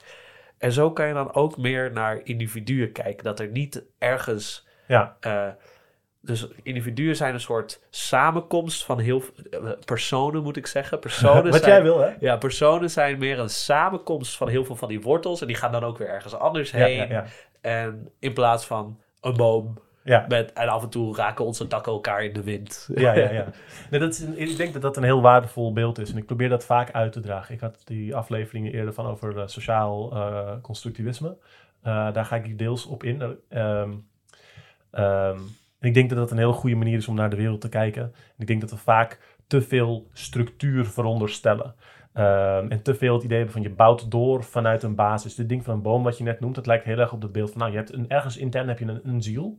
En die zit misschien bij je hart of in je hoofd of, of nergens lichamelijk. Maar de, de, daarbuiten, dat is allemaal je haren kun je afknippen. Je kan best een vinger verliezen. Maar die ziel... ehm, en ik denk dat dat, dat, dat niet, zo, eh, niet zo accuraat is. Ja. Ik denk dat zo inderdaad zo'n zo'n wirwarstructuur in veel opzichten veel behulpzamer is. Omdat je dan veel meer ziet van, oké, in context is er daar ruimte over waar iets uit kan komen. Ehm, terwijl bij een ander ding zit iemand anders in de weg en dan, dan ga je, bouw je daar zo omheen en dat maakt samen een soort, een, een soort wirwarstructuur. En ik zou vaak als een soort filosofisch ding mensen willen meegeven, probeer niet te kijken vanuit, vanuit welke concepten is de wereld nou opgebouwd, maar meer naar, ehm, eh, zeg maar, zie het als een soort wollige wirwar, als een soort wollige bende, waarin allerlei dingen tegenstrijdig naast elkaar kunnen staan. Ja, En dat, dat is een, een punt als we een andere keer gaan opnemen van eh, filosofie tegenover sociologie. Ehm, dan, dan wil ik daar heel graag op terugkomen. ja, ja dat- Willem ja. Schinkel die noemt dat, eh, dat alles de hele tijd aan het woekeren is. Oh ja, wat leuk. Ja, Ja. nee, dat vind ik ook een leuk woord. Ja, ja. Dat is echt een goeie. Hela hola hoi, dit is Peter van Your Local Pilots. Ik kaap even wat zendtijd van Onderstroom. Dat vinden de kameraden van Onderstroom vast wel goed. Voor een piratenaankondiging. Wij hebben een nieuwe CD, Take No Orders. Die gaan we ondersteunen met allerlei optredens. Dat is al bezig. Eh, en je vindt daar meer over op onze websites Your Local Pirates, noblogs.org. www.lokalpirates.org. Ga daar vooral kijken. Dan geef ik het nu over aan medepiraat Joke. Joke, kom er maar in. Hey luidjes, dit is Piraat Joke. We hebben net het Reclaim the Seeds Festival in Nijmegen gedaan afgelopen zaterdag. En uh, we gaan 13 mei naar het landje in Utrecht om te spelen. 15 mei spelen we in Rotterdam en 20 mei in Hengelo. We zoeken natuurlijk nog veel meer plekken om, uh, om te komen spelen in het kader van, uh, van de tour voor de cd Take No Orders. Dus weet je nou nog plekken? Laat het ons weten. Het liefst buiten of anders een zaaltje met goede ventilatie. Bij twijfel ook even laten weten. Dan overleggen we wel. De cd Take No Orders, Tour. En als je meer wil weten, yourlocalpirates.noblogs.org. En tot ziens. Doei! Nou, ik Ja. de- denk dat we nu het individu in ieder geval, zeg maar... Ik bedoel, we kunnen niet de superdiepte in en gewoon Nee, alle nee, nee. concepten. Maar ik denk dat het duidelijk is waarom wij het niet eens zijn met het concept individu. Ja, En dan zitten we nu op het punt, oké, weet je wel, die negatieve vrijheid werd zo gegrond ja, in dat individu. Namelijk, ik als individu moet kunnen doen wat ik wil. Ja. En als, dat, als daar iets tussen staat, dan belemmert dat mijn Ja. vrijheid. ja. Maar ja, nu hebben we, zien we, oké, ja, dat wordt wel lastiger. Je bent constant elkaar aan het beïnvloeden. Je bent, er is nooit, er is geen onbeïnvloed mens, er is geen onbeïnvloed moment. En je, je bent altijd bezig andere mensen te sturen op een bepaalde manier. En het gaat om de manier waarom en de, de machtsstructuren daarvan en de sociale structuur. Ja, Maar het gaat niet om, ehm, ik wil op mezelf staan en alles doen wat ik wil. Dat, dat kan gewoon niet, want zo werken mensen. nee, het is heel lastig op het moment dat we niet een individu hebben die een handeling doet, wordt het heel lastig om te zeggen wat precies mijn handeling, dat dat, dat, dat alleen van mij is. Dus dat dat niet is ook van, ik ga boodschappen doen voor de mensen die, eh, waarmee ik woon om daar ook voor te koken bijvoorbeeld. Of, en, en die hebben bepaalde dieetwensen. Dus Ja, dan, ja. is dat dan mijn, compleet mijn handeling als ik boodschappen aan het doen ben? Ja, ja. En dan als ik daar niet heen kan, omdat er het avondklok is of zo, is het dan alleen mijn vrijheidsbeperking. Dus op die manier zien we dat, dat het veel lastiger wordt om in die individuele negatieve vrijheid te praten. Omdat ja. Mijn wil, wie, wiens wil, Ja. mijn handeling, wat? Het, is- het is heel lastig. En dus ik denk dat. ehm eh, gewoon even off, rack, off the charts. Ja. zijn allemaal nieuwe dingen aan het bedenken. Ik denk dat vervreemding hier heel relevant is. Omdat je. ehm, vervreemding. ik, heb, ik, heb ik gebruik daar niet een heel soort van strak gedefinieerd eh, eh, ding voor. Ik hoop dat ik niet helemaal tegen je regels inga. Ehm, eh, even kijken. Zeg maar, mensen zijn constant elkaar aan het beïnvloeden en worden beïnvloed door dingen. En zeker in de, de huidige situatie, dat we zo'n grote maatschappij hebben, dat we allerlei mensen tegenkomen die we niet kennen en van hen afhankelijk zijn en met hen werken, ehm, dan zien we heel weinig van die verbindingen die er zijn en van hoe we eh, beïnvloed worden en wie dat doet. En Ehm, en daarmee is het dus ook best wel aanlokkelijk om te denken dat eh, collectieven een soort gezichtsloos ding zijn dat mensen maar stuurt. Omdat je, eh, omdat je het niet op die manier meemaakt. Je, je krijgt gewoon dingen aangereikt. Ehm, en sommige dingen zijn eh, verboden en wetten, et cetera, vanuit de staat. En andere dingen zijn gewoon advertenties en aanbiedingen. Leuke nieuwe dingen die kunnen. Ehm, en die worden als heel verschillend gezien. En de ene is de vrijheid van de ondernemer. En de andere is de, de, de eh, macht van de staat of onze soort van eh, eh, nationale legitimering. En soms zeg maar, zijn mensen daarmee eens of niet. Ehm, maar, de, zeg maar de, de, de rol die je daar zelf hebt, in hebt, wordt, wordt nooit benadrukt. Ehm, en, en daarom is zeg maar, vanuit zeg maar, radicale ideeën ga je erg uit van die gezamenlijke vrijheid om dingen te kunnen maken samen. Ehm, en daarin wordt ook heel erg gekeken naar zeg maar, hoe, hoe komen we dan ook samen op een manier eh, dat, we die, dat we zelf die inspraak hebben, of die, eh, dat soort van die, die zelfbeschikking, ehm, dat het echt onze beslissingen zijn. Ehm, eh, om dus ook die vervreemding tegen te gaan. Ehm, en dan kan het dus ook zijn dat je denkt van, nou, deze dingen zijn, hebben wij samen afgesproken in deze ruimte en dat is hoe we dat doen en ik sta daarachter. Um, en dan, dan voelt dat heel, heel anders dan dat, weet ik veel, de overheid iets doorvoert en dat je er maar aan moet houden terwijl je helemaal geen idee hebt uh, dat het voor jou is. En vaak is dat ook helemaal niet zo. Nee.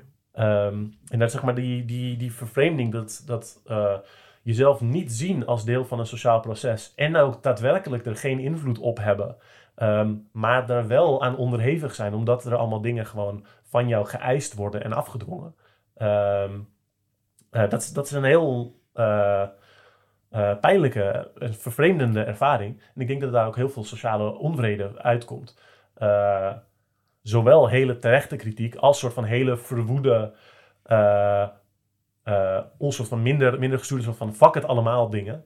Um, die dus aan, aan, een, aan een terecht iets raken van deze soort van uh, relaties waar je, die over jou gaan zonder jou eigenlijk te betrekken. Um, um, en dat dat, dat dat heel raar voelt en dat daar, dat er heel veel ja, frustratie uitkomt. Ja, ja, en, en um, dat is natuurlijk, dan lijken we het over toch een individu te hebben. Mm -hmm. Hè? Het gaat over mij, maar ik, ik doe ja. er niks in. En ik denk aan, zeg maar, dat is intuïtief waar. Uh, maar ik denk meer uh, wat dan uh, de kern van dat verhaal is, is dat vrijheid iets is wat nou, we kunnen het niet in het individu gronden, want dat is er niet. Ja. Um, dus vrijheid moet inderdaad gegrond worden in, in, een, in een groter iets, in ja. iets, iets sociaals. Ja.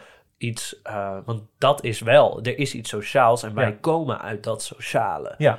En dus op het moment dat vrijheid niet iets, uh, niet een soort uh, uh, sociaal ding is waarin uh, dat sociale veld uh, op een bepaalde manier georganiseerd is, waardoor, nou ja, we hebben nog niet gezegd wat dan positieve vrijheid dan per se is, maar dat sociale veld moet op een bepaalde manier georganiseerd zijn om vrij te zijn. Ja. Om te kunnen zeggen dat er vrijheid is.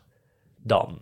Uh, denk ik tenminste. Ja, ja, ja. Um, zeg maar, daar zou je het moeten zoeken. Ja, je moet, het, je moet niet zoeken in zeg maar individuen die, uh, die uh, dingen niet kunnen doen. Ja. Ik bedoel, dat is. Want individuen bestaan niet en toch, ik bedoel, ik snap ook wel, we hebben het. Ik, het is kut als je sommige dingen niet kan doen. Zeker Ja. als het essentiële dingen zijn om te blijven leven, bijvoorbeeld. Ja. Of als je wel dingen moet doen um, die je niet gedwongen worden per se. Ja, maar ja, Maar als je het niet doet, ja dan. dan heb je wel een probleem. Ja, precies. Um, ja, dat is zeg maar vanuit, denk ik, heel veel soort van uh, liberaal denken en veel verlichtings uh, denken, is er zo dat beeld van je, maar, je wil de ketens losmaken. Ja. Mensen worden vrij als je de ketens losmaakt. En in zekere zin is dat natuurlijk zo. Um, als iemand in ketens is en je haalt, doet daarna niet meer ketens, dat is, zal in de meeste gevallen zal dat beter zijn en vrijer.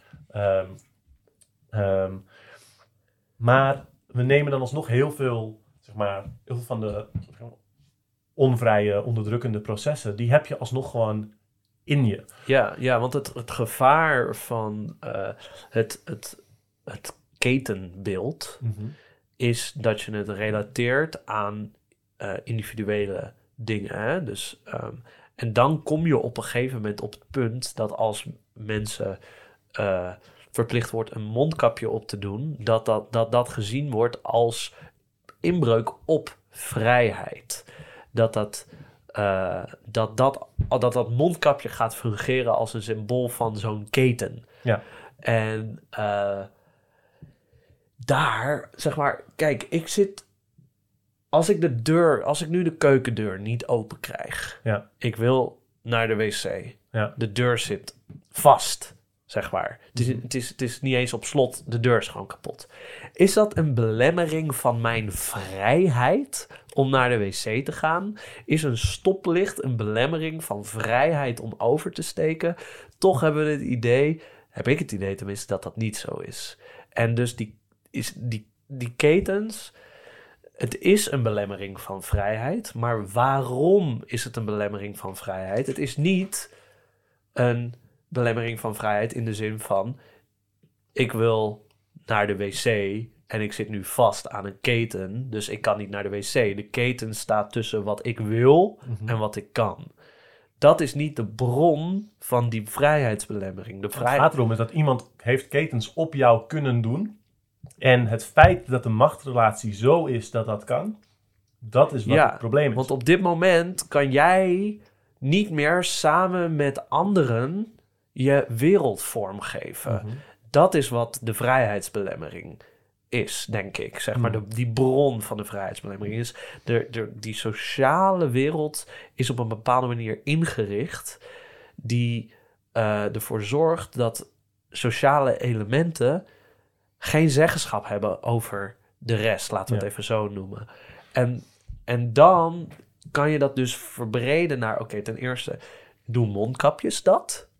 Is, is een mondkapje een, een device die ervoor zorgt dat sommige mensen niet meer hun wereld in kunnen richten samen met anderen zoals zij dat in die gemeenschap zouden willen? Ja.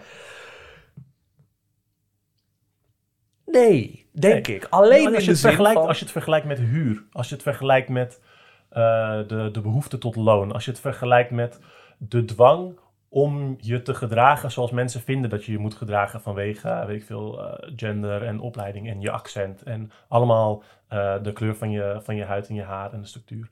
Allemaal van dat soort dingen. Die gaan daar veel meer om. Ja, Ehm, en, dat, en dat zijn die, die structurele dingen waar je over het algemeen niet naar moet kijken. Want jij bent gewoon een persoon en iedereen is een persoon. En dat is allemaal hetzelfde. En iedereen is gewoon compleet vrij om te doen wat ze willen. En wij geloven in persoonlijke verantwoordelijkheid. Maar er wordt wel eens over positieve vrijheid gesproken. Er wordt wel eens over positieve vrijheid gesproken. Ik kom het wel eens tegen, maar dan is het altijd, in mijn ervaring, eh, gaat het om dingen als nationale zelfbeschikking. Dan zeggen ze, wij Nederlanders, eh, wij trotse schotten met blauwe gezichten in een hele slechte film, wij eh, willen zelf ons lot kunnen bepalen. Ehm, en daarin zit eigenlijk dus wel dat punt van positieve vrijheid. En dat, dan zit het al, altijd natuurlijk van, want het kan nu niet, want we worden overheerst door X en X. door Brussel, door... Hè, wat, wat Tuurlijk. Baudet in, dit, in dat stuk Mhm. wat de aanleiding is, zegt... we zijn niet vrij omdat de Duitsers nog steeds over ons heersen, namelijk via de EU. Ja, ja. Je, kunt, je kunt best wat zeggen over de machtsrelaties binnen de EU. Dat maakt er niet zo uit. Nee, maar... Maar, dat, zeg maar zelfs in dit ding waar het, zeg maar, het positieve invulling het dichtst bij komt, is het eigenlijk alsnog dat, dat beeld van ons land moet de ketenen afwerpen. Ehm, eh, maar daar zit wel, denk ik, een, een zaad van, zeg maar, hoe kun je nakijken, eh, hoe nadenken over positieve vrijheid. Want dan gaat het over, oké, hoe willen wij samen dat de dingen eruit zien? ja, Ehm, ja, en ja, het ja. probleem, maar een probleem daarvan is dat het dan alsnog, naast dus dat, dat ding dat alsnog eigenlijk heel negatief wordt ingevuld, ehm, dat het ook eh, vooral al heeft vastgesteld wie de wij moet zijn. Ja. En dat is een heel belangrijk ding. Ook, ook in, eh, in fascisme is dat een heel belangrijk ding. Maar in, in heel veel, zeg maar, conservatief eh gedachten waar we het hier over hebben, is eh, als, als het een wij is, dan moet het de wij zijn die overeenkomt met de grenzen van de staat. Of met wat we willen dat de grenzen van een staat zouden Ja, zijn. precies. Of de grenzen van een soort cultuur, of de grenzen van een bepaalde eh, biologisch, een etnische schepsel. groep of, ja. een, of, een, of, een, of, een, eh, of een genderding of zo. ja, dus in- wij, in- wij mannen, wij moeten gewoon vrij kunnen zijn eh, om een beetje te rouwdouwen. ja, dat, soort, dat soort concepten. En ja, word je die, dat, erg die, in- dat die fascisten, die, die soort van... Je hebt een bepaalde stroming binnen het fascisme... dat een soort van die Ge- Germaanse cultuur soort van wil doen opleven. En dat als jij gegrond bent in die Germaanse cultuur, dat je, dat je jezelf niet kan realiseren zonder je daarin te wortelen of zo. Hè? Dus Ja. hè, jij, dat dat bloed- en bodem idee. Ja, ja, ja. Jij, jij bent nou eenmaal door je bloedlijn verbonden aan die aarde. En daar moet jij in wortelen om jezelf te ontplooien. Ja, en dat is een heel, dat is een heel, een soort van, eh, een soort van magisch, eh fucked up idee. Ehm, maar het is niet zo heel anders dan veel nationalisme. Het is gewoon veel explicieter en, eh, en, en bruter. Eh, maar daar zit heel erg de dingen van wij scheppen de kaders. En dat is, dat is een kant van, van fascisme die vaak een beetje eh, minder nadruk krijgt. Omdat we hebben het vaak over de, de, de voorname slachtoffers van, van fascisme. Dat zijn zeg maar de, de zondebokken, de minderheidsgroepen. Ehm, ehm, en dat is ook heel belangrijk om daarnaar te kijken, want dat zijn de mensen die eh, het meeste vermoord worden. En eh, daar het meeste te, te verduren van hebben. Maar fascisme heeft wel, net als heel veel conservatisme, et cetera, die heeft, heeft ook die kant van, we gaan zien wie is de meerderheidsgroep. Wie is de mensen, wat zijn de mensen die wij aan onze kant willen hebben? En wij zetten hen in een keurslijf. En jij bent een Nederlander, dus jij hoort Nederland te beschermen tegen deze indringers die onze cultuur proberen te verdunnen als goedkope aanmaaklimonade. Ehm, maar daar zit dus wel dat beeld in van wij kunnen dat samen maken als de mensen maar eh, uitkomen voor wat ze echt zijn. En dat is het ding dat wij vinden. Ja. Dus dan heb je wel, je hebt wel dat communale, we maken er samen iets van, maar altijd op een, op een, op een heel autoritaire manier, maar ook in kaders die al zijn. ja. Dus, ehm, en daar zit bijvoorbeeld heel erg dat eh, in, in genderkwesties heel erg de dingen van, jij bent een man, dus jij behoort je zo te gedragen en jij behoort je zo te doen. En aan de andere kant, eh, jij bent een vrouw, dus jij hoort dit en dit en dit te doen. Ehm, en die, die kaders, die staan daarin vast. Ja. En dus word je, als het gaat om nationalisme, word je samengezet met de rijken. En daar heb je dan zogenaamd een gedeeld belang bij. Want ze zijn allemaal Nederlanders. En zij doen hun deel van de taak. Namelijk, zij zijn het hoofd dat op een kussen kan leunen. Af en toe dingen bedenkt. En, eh, en dat is dan goed. En jullie zijn de handen en de voeten. En jullie moeten dingen dragen en uitvoeren. En dat is, eh, dat is belangrijk als jullie aandeel van dit communale project. Maar je mag niet bepalen wat jouw communale project is. Je mag niet zeggen, nou, ik hoor daar niet bij. Ehm, en je mag ook niet zeggen van, nou, ik vind eigenlijk niet dat dit niet het project zou moeten zijn. En dat is, ehm, eh, dat is juist heel erg belangrijk voor positieve vrijheid. Is dat je zelf de kaders eh, mee kan bepalen. Dat je kan zeggen eh, wat jij zou willen zien. Dat jij zelf de mensen kan zoeken waarmee je dat, dat wil doen. Dat daar ook hoe heet het, middelen voor zijn. Dus er, er zit gewoon een heel materiële kant aan vrijheid. Je zegt, ik wil mijn leven zo kunnen indelen als ik wil. Ehm, en als ik eh, gedwongen word om eh, zoveel tijd van mijn dag te besteden aan werk dat ik niet per se zelf belangrijk vind voor hoe mijn wereld eruit ziet, maar dat nodig is om geld te verdienen, ehm, omdat ik anders omkom van de honger, dan is dat onvrijheid. Er zit een heel materiële kant aan. Ja, en die, die wij, dat vind ik een hele goeie. En ik wil dat eigenlijk nog ietsje... Ik weet niet of je het ermee eens bent, maar ik- Mhm. wat je zegt wil ik eigenlijk nog ietsje extremer trekken. Kom hè? Het is, het is namelijk, je zegt, hè, ik wil, ik wil eh, onderdeel kunnen zijn van degene die de grenzen van die wij bepalen. Ehm, en eh, ik bedoel, voor een wij heb je in principe altijd een beetje grenzen nodig, want anders is er geen wij.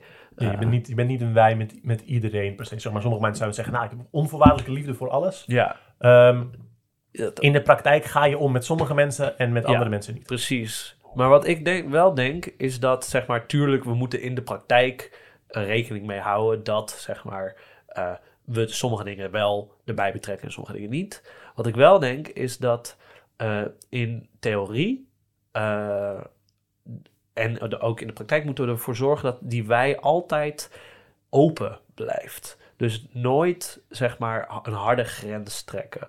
Want dan kom je op een gegeven moment, zeg maar, oké, weet je wel, die wij moet open zijn. Wat, wat betekent dat? Dat betekent dat we misschien ook eh, planten en dieren in die wij betrokken kunnen worden. Eh, er is een boekje wat ik nog wil lezen, die gaat over eh, de Noordzee betrekken in, in zeg maar hoe wij over de wereld nadenken, right? Dus de Noordzee betrekken in ons handelen, want we moeten steeds meer gaan zorgen voor de wereld, want klimaatrampen die al aan het voltrekken zijn. Dus we moeten op een bepaalde manier de wij openbreken, zelfs van mensen, naar dieren, naar eh, de planeet misschien, mis- misschien zelfs naar gewoon objecten. Eh, dus daar zijn heel veel filosofische stromingen die daarmee bezig zijn om te kijken hoe kunnen we andere dingen dan mensen betrekken in dat wij. Ja, En dat vind ik wel een hele. Op het moment dat wij niet meer betekent dit groepje mensen, of zelfs alle mensen, maar misschien deze mensen en deze bomen hier. ja, ja. Of, eh, en wat voor effect heeft dat dan op vrijheid? Als wij ineens vrijheid moeten vormgeven samen met het bos. Wat betekent dat dan? Ik weet het nog niet. Ja, maar ik ben wel, dat is wel iets wat ik denk, of samen met de oceaan, dat is wel iets wat ik denk dat heel erg belangrijk is eigenlijk. Vind, vind ik heel interessant. Ik ben, daar, ik ben daar helemaal niet zo in thuis. Ehm, ehm, en ik, ik ben gewoon veel meer gewend om inderdaad het, over, over mensen na te denken. Ehm, maar als, in mijn allereerste aflevering heb ik het over eigendom. En dan noem ik dat eh, veel dieren eigenlijk ook meedingen om eigendom. Bijvoorbeeld als iemand een, een huisdier heeft met een favoriet speel, stukje speelgoed. Dan zie je, die, die kan net als een mens gewoon een claim leggen. Nee, dit is mijn bal. Ja, Dit is mijn bal. En jij mag hem soms lenen, maar ben ik niet heel blij mee. nee. Ehm, ehm, eh, maar ook onder mensen is daar inderdaad het ding van wat is die wij? En, ehm, en om, dat, om dat zo breed te trekken naar die andere dingen, dat vind ik interessant. Daar zal ik later over nadenken.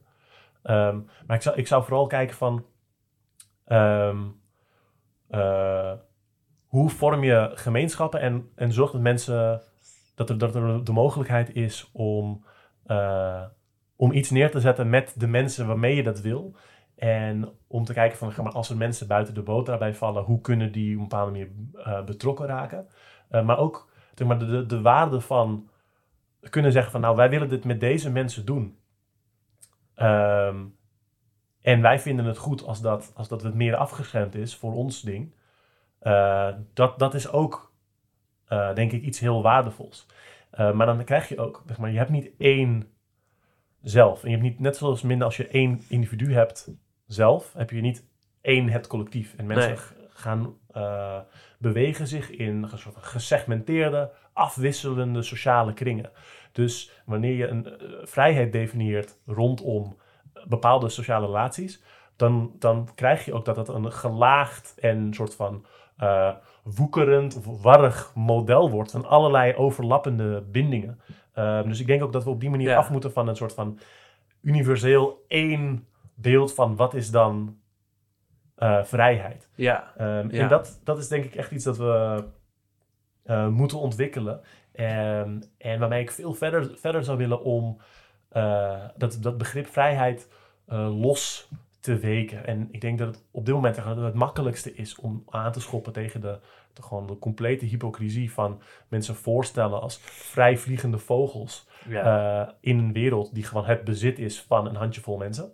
Ehm, eh, maar dat het veel makkelijker is om mensen daarin mee te nemen als we ook meer eh, een soort van heel praktisch, tastbaar verhaal neerzetten van hoe je, eh, hoe je samen een context eh, neerzet. En dan bijvoorbeeld dingen als, dingen als kraken of eh, samen woongroepen neerzetten. Of een soort van wat losser Ehm, mensen die wel in een soort kerngezinachtige manier wonen, maar dan in een buurtje dat ze zelf hebben, hebben vormgegeven. En wat, wat daar dan allemaal uit kan komen en hoe zij deels een land kunnen beheren. Ja. Ik denk dat inspiratie van dus ehm, eh, mensen die op een meer soort van traditionele wijze eh, leven, zoals de oorspronkelijke bewoners van allerlei eh, inmiddels gekoloniseerde continenten, dat die ons daar heel veel over kunnen leren. Ja, en, en eh, op de werkvloer dat jij met de mensen waarmee jij werkt, zeg maar, uitmaakt wat er daar gebeurt. In plaats Ja. van dat het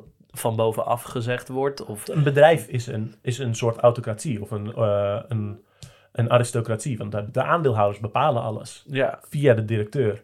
En de mensen die daar werken niet. Ja, precies. En, en zelfs als je dat bedrijf hebt gefixt, dan zitten we nog in de grotere economie. En dat bedrijf moet op bepaalde manieren fungeren, anders kan het niet. Ja, An- anders kan het niet. Ja. Dus zeg maar, die economie, de meeste van ons zijn er eigenlijk. Ik bedoel, ja, ik heb het idee dat, de, dat en misschien is dat een, eh, de mensen waar ik mee omga, maar ik heb het idee dat in het, op, ook in de kranten nu en in de, op, de, op de tv steeds meer het geluid hoort dat mensen er eigenlijk niet zo blij mee zijn. En als, ieder, als zoveel mensen er niet zo blij mee zijn en we kunnen het niet veranderen, dus, en dat is zo'n groot onderdeel van onze, ons sociale kleed, zeg Ja, ja. maar. Ja, dus, ah, zijn Ja, we dan ja, ja. vrij. En dat is dan dus het idee van. Hè, eh, het is aan, zeg maar, losjes gezegd waren coronamaatregelen vrijheidsbeperkend. Mhm. Ehm, maar het is niet alsof we daarvoor met z'n allen wel vrij waren. Nee, zeg maar, dat nee. moeten we niet in ons hoofd halen. Nee. Dat het daarvoor allemaal goed was en we moeten er eigenlijk weer naar terug. Ja, En ja, het, ja. eh, Nee, nee, nee, nee. Dat is met het, eh, de, de afbraak van de welvaartsstaat. Dat is helemaal niet, zeg maar, die, die welvaartsstaat die was ook heel erg eh, gebaseerd op de uitbuiting van eh, veel landen op het zuidelijke halfrond. Ehm, en op eh, het, het opleggen van een, een kerngezinsstructuur die heel veel mensen niet wilden. Ehm, en, eh, en ook echt gewoon heel, heel, vaak heel conservatief ingesteld. dat de, de hoeveelheid hulp die jij krijgt afhankelijk is van hoeveel geld jij verdiende in je baan. Terwijl het helemaal niet zo heel veel zegt over hoeveel je nodig hebt. Ja, Ehm, en ik, ik denk dat het ook eh, belangrijk is om zeg maar, te onderkennen dat, ehm, dat werken aan vrijheid, dat het opbouwen, dat dat een soort, eh, een soort proces is dat steeds soort van in de, in de ronde gaat. Je wil, Ja. je wil steeds daarin verder komen om deels bepaalde dingen af te leren die, je die je hebt geleerd. Bijvoorbeeld eh, het idee dat Jeff Bezos een heel goed bezig is. Ehm, maar ook bijvoorbeeld het idee van nou, ehm, er, er moet toch één iemand altijd de baas zijn die, het, eh, die de, de klap op tafel geeft. Of ehm, het beeld van nou ja, kijk goed, de mannen moeten maar dit fixen en de andere mensen, eh, die zijn allemaal vrouwen en er is niks tussenin. Of ehm, eh, vrouwen zijn allemaal zo, want ik zie dat het zo gebeurt. Terwijl iedereen natuurlijk op een bepaalde manier aangeleerd wordt om zich op een bepaalde manier te gedragen. Ehm, dus het is echt een. Ehm, en het gaat ook om, om de stu- structuren opbouwen wanneer we, waarin we leren op een andere manier daarnaar te kijken. ja, En vanuit de dingen die we opbouwen, dan weer terug te kijken van welk, welk ding kunnen we nu verder maken om, om vrijheid te creëren. ja. Ja, en wat je zegt doet me heel erg denken aan iets eh, dat vrijheid niet een eh, eindpunt heeft. Zeg maar, hè? je zegt we moeten dat constant, eh, zitten we daarin en moeten we dat re-evalueren. En daar zitten we, zeg maar, we zijn daar constant, moeten we daarmee bezig zijn. Dus het is niet, zeg maar, in dat, in dat positieve ding van vrijheid, dat we op een gegeven moment hebben ah, we hebben het, we zijn vrij. Klaar, zeg maar, nu niks meer doen, we- we zijn er. En eh, dat doet me heel erg denken aan het idee van Hannah Arendt, waar wij ook een podcast over gedaan hebben. En Hannah Arendt zegt, ehm, ik ben het niet helemaal met haar eens, want zij zegt vrijheid is in principe iets nieuws beginnen, wat eh, in een handeling, wat andere mensen voortzetten. En dat is heel erg wel dat idee, hè, er is iets, iets nieuws wat bijna, en bijna uit het niets, gewoon wow, miraculeus iets nieuws, wow, daar ben ik het niet helemaal mee eens. Maar wel het idee dat vrijheid iets is wat voortgezet moet worden in iets doen. Dus op het moment dat jij niks voor die vrijheid doet, heb je het niet. Je bent alleen vrij op het moment dat je in vrijheid handelt. En, en dat is een proces wat door iedereen voortgezet moet worden. Je bent daar de hele tijd aan het, aan het bouwen, zeg maar. Snap je wat ik bedoel? Het is niet een... Je kan op je gat zitten en zeggen... Ah, vrijheid. Zelfs ook niet in het positieve ding van vrijheid. Ah, nu kan ik... eh, nu kan ik bepalen samen met andere mensen wat het is. En we hebben het. Ja. Fucking chill. Nee, want er zijn... Het, je, het, het zijn overlappende dingen. Dingen veranderen de hele tijd. Eh, ja, je, jouw omstandigheden veranderen. Misschien aan de andere kant van de wereld veranderen de omstandigheden. Wat een soort ripple effect heeft naar jouw ding. Dus je bent de hele tijd bezig. Dus het Om- gaat vooral, zeg maar, er is, er, er is geen stilstand. Nee. Eh, zeker niet met eh, sociale eh, processen. Zeg maar. je, je hebt geen stilstand, je hebt geen vaste sociale situatie. We hebben nu een ding neergezet en dat heeft x naam. ja, En nu is het klaar. ja, Ehm, want elk, elke sociale situatie wordt constant gereproduceerd. En Ja. in die reproductie zit altijd verandering. Ehm, en, en je moet dus op een bepaalde manier daar actief mee bezig blijven. Van kijken van, oké, hoe gaat het er dan uitzien? Wat, wat is er veranderd? ja. En sluit het nog wel aan bij dat beeld dat we hebben van vrijheid? Ja, precies. Ja, ja, ja. Het is. En, en dan, dat, dat is natuurlijk ook, staat redelijk haaks op het idee dat we hebben als we het, als we het hebben over vrijheid van meningsuiting of zo. Vrijheid van meningsuiting is niet iets waar we constant, zeg maar, dat wordt in de weg gezeten. Maar in principe, als niemand wat zou doen, dan heeft iedereen vrijheid van meningsuiting. Als iedereen stil op de bank zou zitten, om, dat is niet niks doen, want je zit op de bank. Ja, ja. Maar stel, je zou met z'n allen stil op de bank zitten. Dan heeft iedereen vrijheid van meningsuiting. Pas als iemand, zeg maar, als Thierry Baudet wat zegt... en iemand zegt nee, dat mag je niet zeggen, bijvoorbeeld... dan is het ineens, dan wordt die vrijheid van meningsuiting in de weg gezeten. Ehm, Maar dat, zeg maar, dat het lastige is van, maar, dat is, het is niet, dat mag je niet zeggen. Dat is ook, dat is, zeg maar, dat, dat is het lastige van dat, van dat hele ding. Het wordt voorgesteld van, je mag dat niet zeggen. ja, En dat is niet het punt. nee, Het punt is, ehm, wij vinden niet dat een publieke omroep met van belastinggeld eh, zo iemand eh, Ja. zoveel platform zou moeten Precies. geven, of überhaupt. Ehm, en of we vinden, we vinden niet dat dit eh, in mijn woonkamer uitgezonden moet worden. Waarom zet je nou de tv uit? Dat is censuur, maar het is, het is een natie. ja. Eh, ja dus, een, goed, maar Ja, en het, het, het idee is dus, ja, zeg maar, als niemand iets zou doen, dan heeft iedereen vrijheid van meningsuiting. Ja. Want het wordt niet belemmerd. mhm. Eh, maar waar het idee van vrijheid waar we nu langzaam heen zijn gegaan, als iedereen niks doet, wat voor vrijheid hebben we dan nog? Zeg maar, dan kunnen we, omdat vrijheid dat ding is wat je met z'n allen doet, wat je met z'n allen constant bezig bent om te kijken wie wat wil, nodig heeft, eh, zeg maar met z'n ja, dat is een compleet ander idee geworden van vrijheid. Ja. We, we hebben, zijn we vrij als, we, als iedereen gewoon zit? En, en nou ja, dat is een beetje een rare vraag bijna. Het maakt bijna geen sens of zo.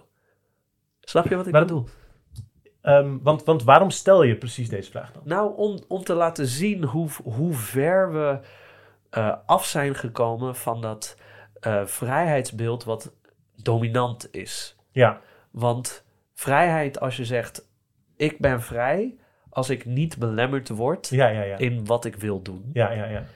Daar hoef je in principe niks voor te doen. Ah ja, want je hebt de potentie, denk je, om alles te doen. Ja, ik word Dus niet dat belemmerd. telt gewoon. Ja. En pas wanneer je merkt, oh, van, maar, maar dit ding sluit er eigenlijk niet op aan, dan pas is er onvrijheid. Terwijl eigenlijk dat beeld waar we naartoe willen is een, eh, een actieve, positieve vrijheid. Ja. Je zegt, we maken dit ding, we maken deze dingen samen. Hoe zou jij willen dat het werk eruit ziet? Ja, Zou, zou je überhaupt aan dit ding mee willen werken of niet? Hoe, hoe zie jij dat voor je? Wat zou jij willen doen met je leven? ja, Ehm, wil je eigenlijk dat wel doen in deze context of niet? ja, Ehm, we komen vanuit dat individuele beeld, eh, dat liberale beeld van vrijheid, dat zegt de mens is gewoon een, een individu dat in potentie alles kan.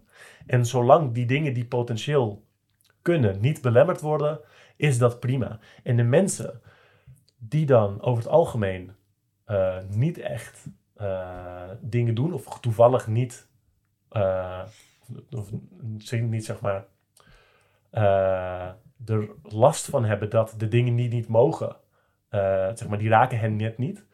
Ehm, dat die dan het gevoel hebben dat ze vrij zijn, omdat ze gewoon, omdat het voor hen wel prima is. En dat pas wanneer er dan iets is dat voor hen specifiek hen raakt, dat je dan merkt van, oh, schijnbaar heb ik toch iets van een probleem ergens. Ja. En, en kan ik helemaal niet de wereld scheppen zoals ik wil. Ja, precies. En dan is het ook zo, zo lastig dat juist zeg maar, de, de mensen die daar op aan kunnen haken met een boodschap van, eh, ehm, van shit, er is een probleem rondom vrijheid. eh, dat die zoveel meer outreach hebben, dat die overal te bereiken zijn. Dat, dat zijn de grootste social media accounts en ehm, ik, ik heb het dus weer over de Forum voor Democratie. ehm, dat die zoveel mensen kunnen aantrekken. Ehm, maar ook, andere eh, rechtse groepen en de VVD en whatever. Dat die op dit gevoel aanklampen. En niet die definitie van vrijheid aanpassen, maar gewoon springen op die paar dingen die deze mensen denken van, oh, dat houdt, dit houdt ons tegen. Om van daaruit allerlei andere vrijheden af te bouwen. Ja, ja inderdaad. Dus dan, eh, om terug te komen op het mondkapjes ding, is, zijn mondkapjes kut en irritant? Ja, als ik in de trein kom, dan beslaat mijn bril. Maar dat is echt het meest, en ik krijg het een beetje benauwd, maar dat is echt het meeste last wat ik er persoonlijk van heb. Andere mensen hebben er meer last van misschien. Maar is het een belemmering van eh, vrijheid? Het wordt toch lastig om te zeggen van wat wij, waar wij het nu over gehad hebben. En als je vrijheid op die manier gaat zien, wat heeft het daar eigenlijk mee te maken? Het, ding, als je het, als je het daarover wil, wil hebben, dan is het eh, veel belangrijker om te kijken waar, hoe bepalen we wat er nodig is en wie heeft daar eh, invloed op. ja, En ehm, welke dingen zou je dan willen doen? Hoe zou je willen dat de wereld eruit ziet? En dan is het het feit dat jij eh, verplicht kan worden om zoiets te doen vanuit een instantie waarvan je, waarmee jij een, een disconnect voelt. Dat is, dat is een, ergens is dat een reëel ding. ja, zeker weten. En dan kun je het alsnog wel zeggen van, nou, ik vind de mondkapjes wel of niet verstandig bla bla bla. Ehm, ehm, ik, ik zou zeggen dat een mondkapjes in principe, hoewel heel sumier, een, een, eh, een waardevol ding zijn natuurlijk. Eh, maar dat, dat, dat gevoel van die disconnect en eh, van die verplichting, dat, dat raakt wel aan zo'n punt van, ja, we zitten ook in een situatie waar die dingen bij wijze van spreken uit de, uit de lucht komen vallen, omdat het gewoon bepaald wordt door ja, eh, eh, door allerlei instituties waar wij zelf geen, geen, geen macht over hebben. nee, en, dat, en dat, dat, het komt uit een onvrije situatie. Maar het, het, is een, het is een, meer een symptoom daarvan. In, in plaats van dat is het, hetgene dat ons nu aan het belemmeren is. Ja, Ja. ja. Was, was dat dan? Hebben we alles eh, gezegd wat we wilden zeggen? Ik, ik persoonlijk wel. Volgens mij komen we er een beetje, eh, een beetje rond. Ik. eh, Ja, nee, volgens mij. Volgens mij wel. Ja, Volgens mij wel. We zijn, het, ik vond het heel leuk, omdat we, hebben natuurlijk een aantal dingen uitgepland, maar we zijn ook een beetje off the rails gegaan. Een paar dingen die ik ook wel, ook wel spannend vind, of waar ik denk van, oh, staat mijn mening daar wel vast over, maar nu heb je iets gezegd. Fair, ja. Ik bedoel, dat, de, dat is toch altijd lastig in een podcast, dat, dat het blijft, zeg maar. Je zegt Ja, iets ja, ja. en dan blijft het. Zeg maar. Ik heb ook, ik- ja, je zegt, ik heb ook dingen dat ik soms terugluister en denk, oeh, nou, ik denk er nu al een beetje anders over. Ja, ja, ja. Toch jammer. Maar ja, Ehm, ja, dat is, eh, ik, ik ga er, ik, zeg maar, je hoopt dan dat mensen eh, beseffen dat je een ontwikkelend eh, Ja, ja. wezen bent. ik, ik vond het leuk dat we allebei, zeg maar, heel spontaan op nieuwe dingen zijn gekomen. ja. Dat ding met, met het papiertje, dacht ik, ha, wat gebeurt er? Oké, oké, ha. Ehm, Ik dat is een hele leuke mechaniek. Ja, ja, ja. Ehm, nee, maar dat, eh, dat vond ik dus heel, eh, dat vond ik heel, heel fijn. Ehm, misschien kunnen we nog een keer zoiets doen. Ja. Ehm, ook hartstikke bedankt dat je me eh, ontvangt in jouw eh, zeer profi eh opnamestudio. de Ehm, keuken. Eh, let the record show dat ik de mijne ook aanbood. Ehm, we, zijn, we zijn begonnen, we hebben het goed gestructureerd, maar we hebben toch inderdaad ook gewoon een gesprek gehad daarbuiten, Ja, zeg ja. maar. En dat vind ik dan toch stiekem altijd wel leuk, want dan, dan anders ja, kan je ook een essay schrijven en voorlezen. Dus dat is, ja, ja. dat is, is wat, het, het gesprek heeft gewoekerd. Ja, ja.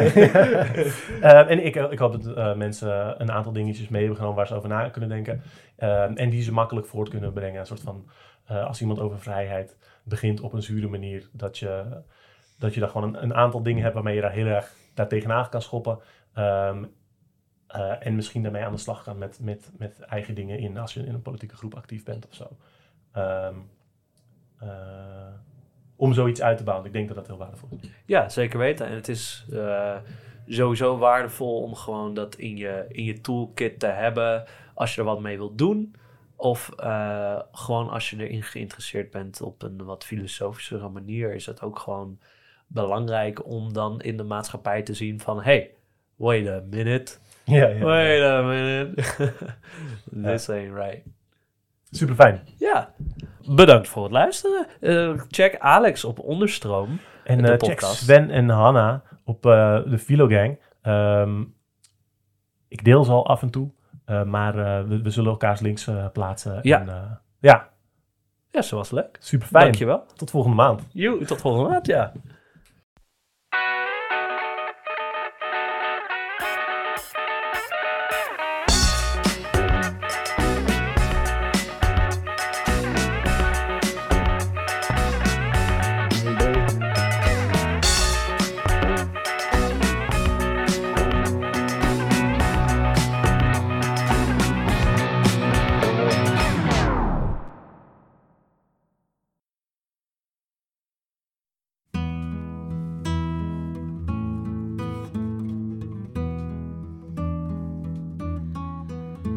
Het is tijd om te stoppen met moeten.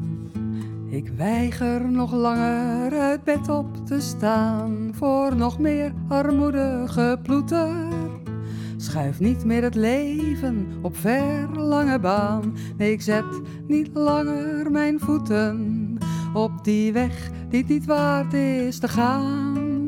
Laat mijn tenen liever vroeten in de grond, trek geen schoenen Ik wil dromen, ogen geopend, ontwaken hier ver vandaan. Laat ons dromen, de ogen geopend, het wagen om echt op te staan. Ik wil dromen, de ogen geopend, ontwaken hier ver vandaan. Laat ons dromen, de ogen geopend, het wagen om echt op te staan. Vandaag is de dag dat ik me omdraai, met een vingerknip de klokken verzet.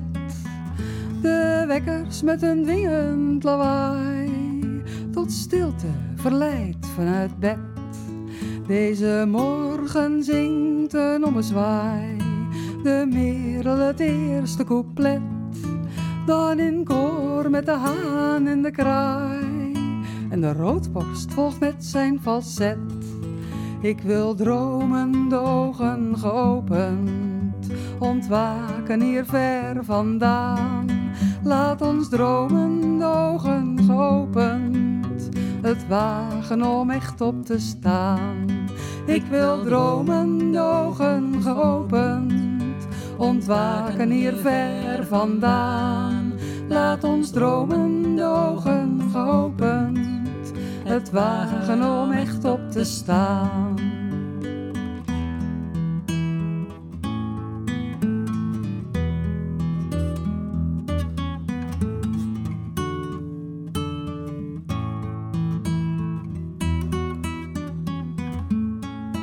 Nooit meer haast en nooit meer te laat. De plicht op de wegen geweken, waar de ijver met het asfalt vergaat. Als klaver en weegbree het breken, laat ons spelen als kinderen op straat. Licht tegels, laat de aarde spreken, laat ons delen en strooien het zaad.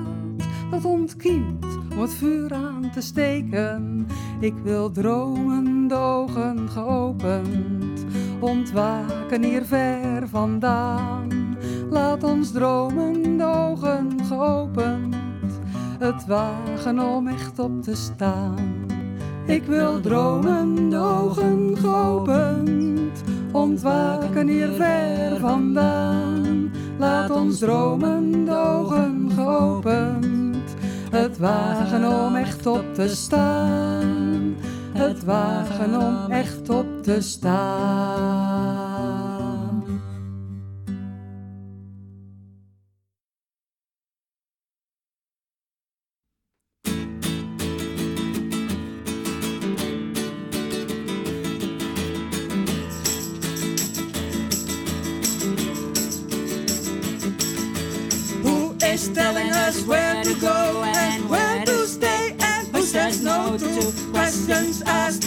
Permits applied for? Who declared the immigrants' war? Who is standing in our way and who is law and who is paid for? Stamps to give and to deny to those that try to make it up here. Who makes money and has a say in who gets locked up has to pay for being here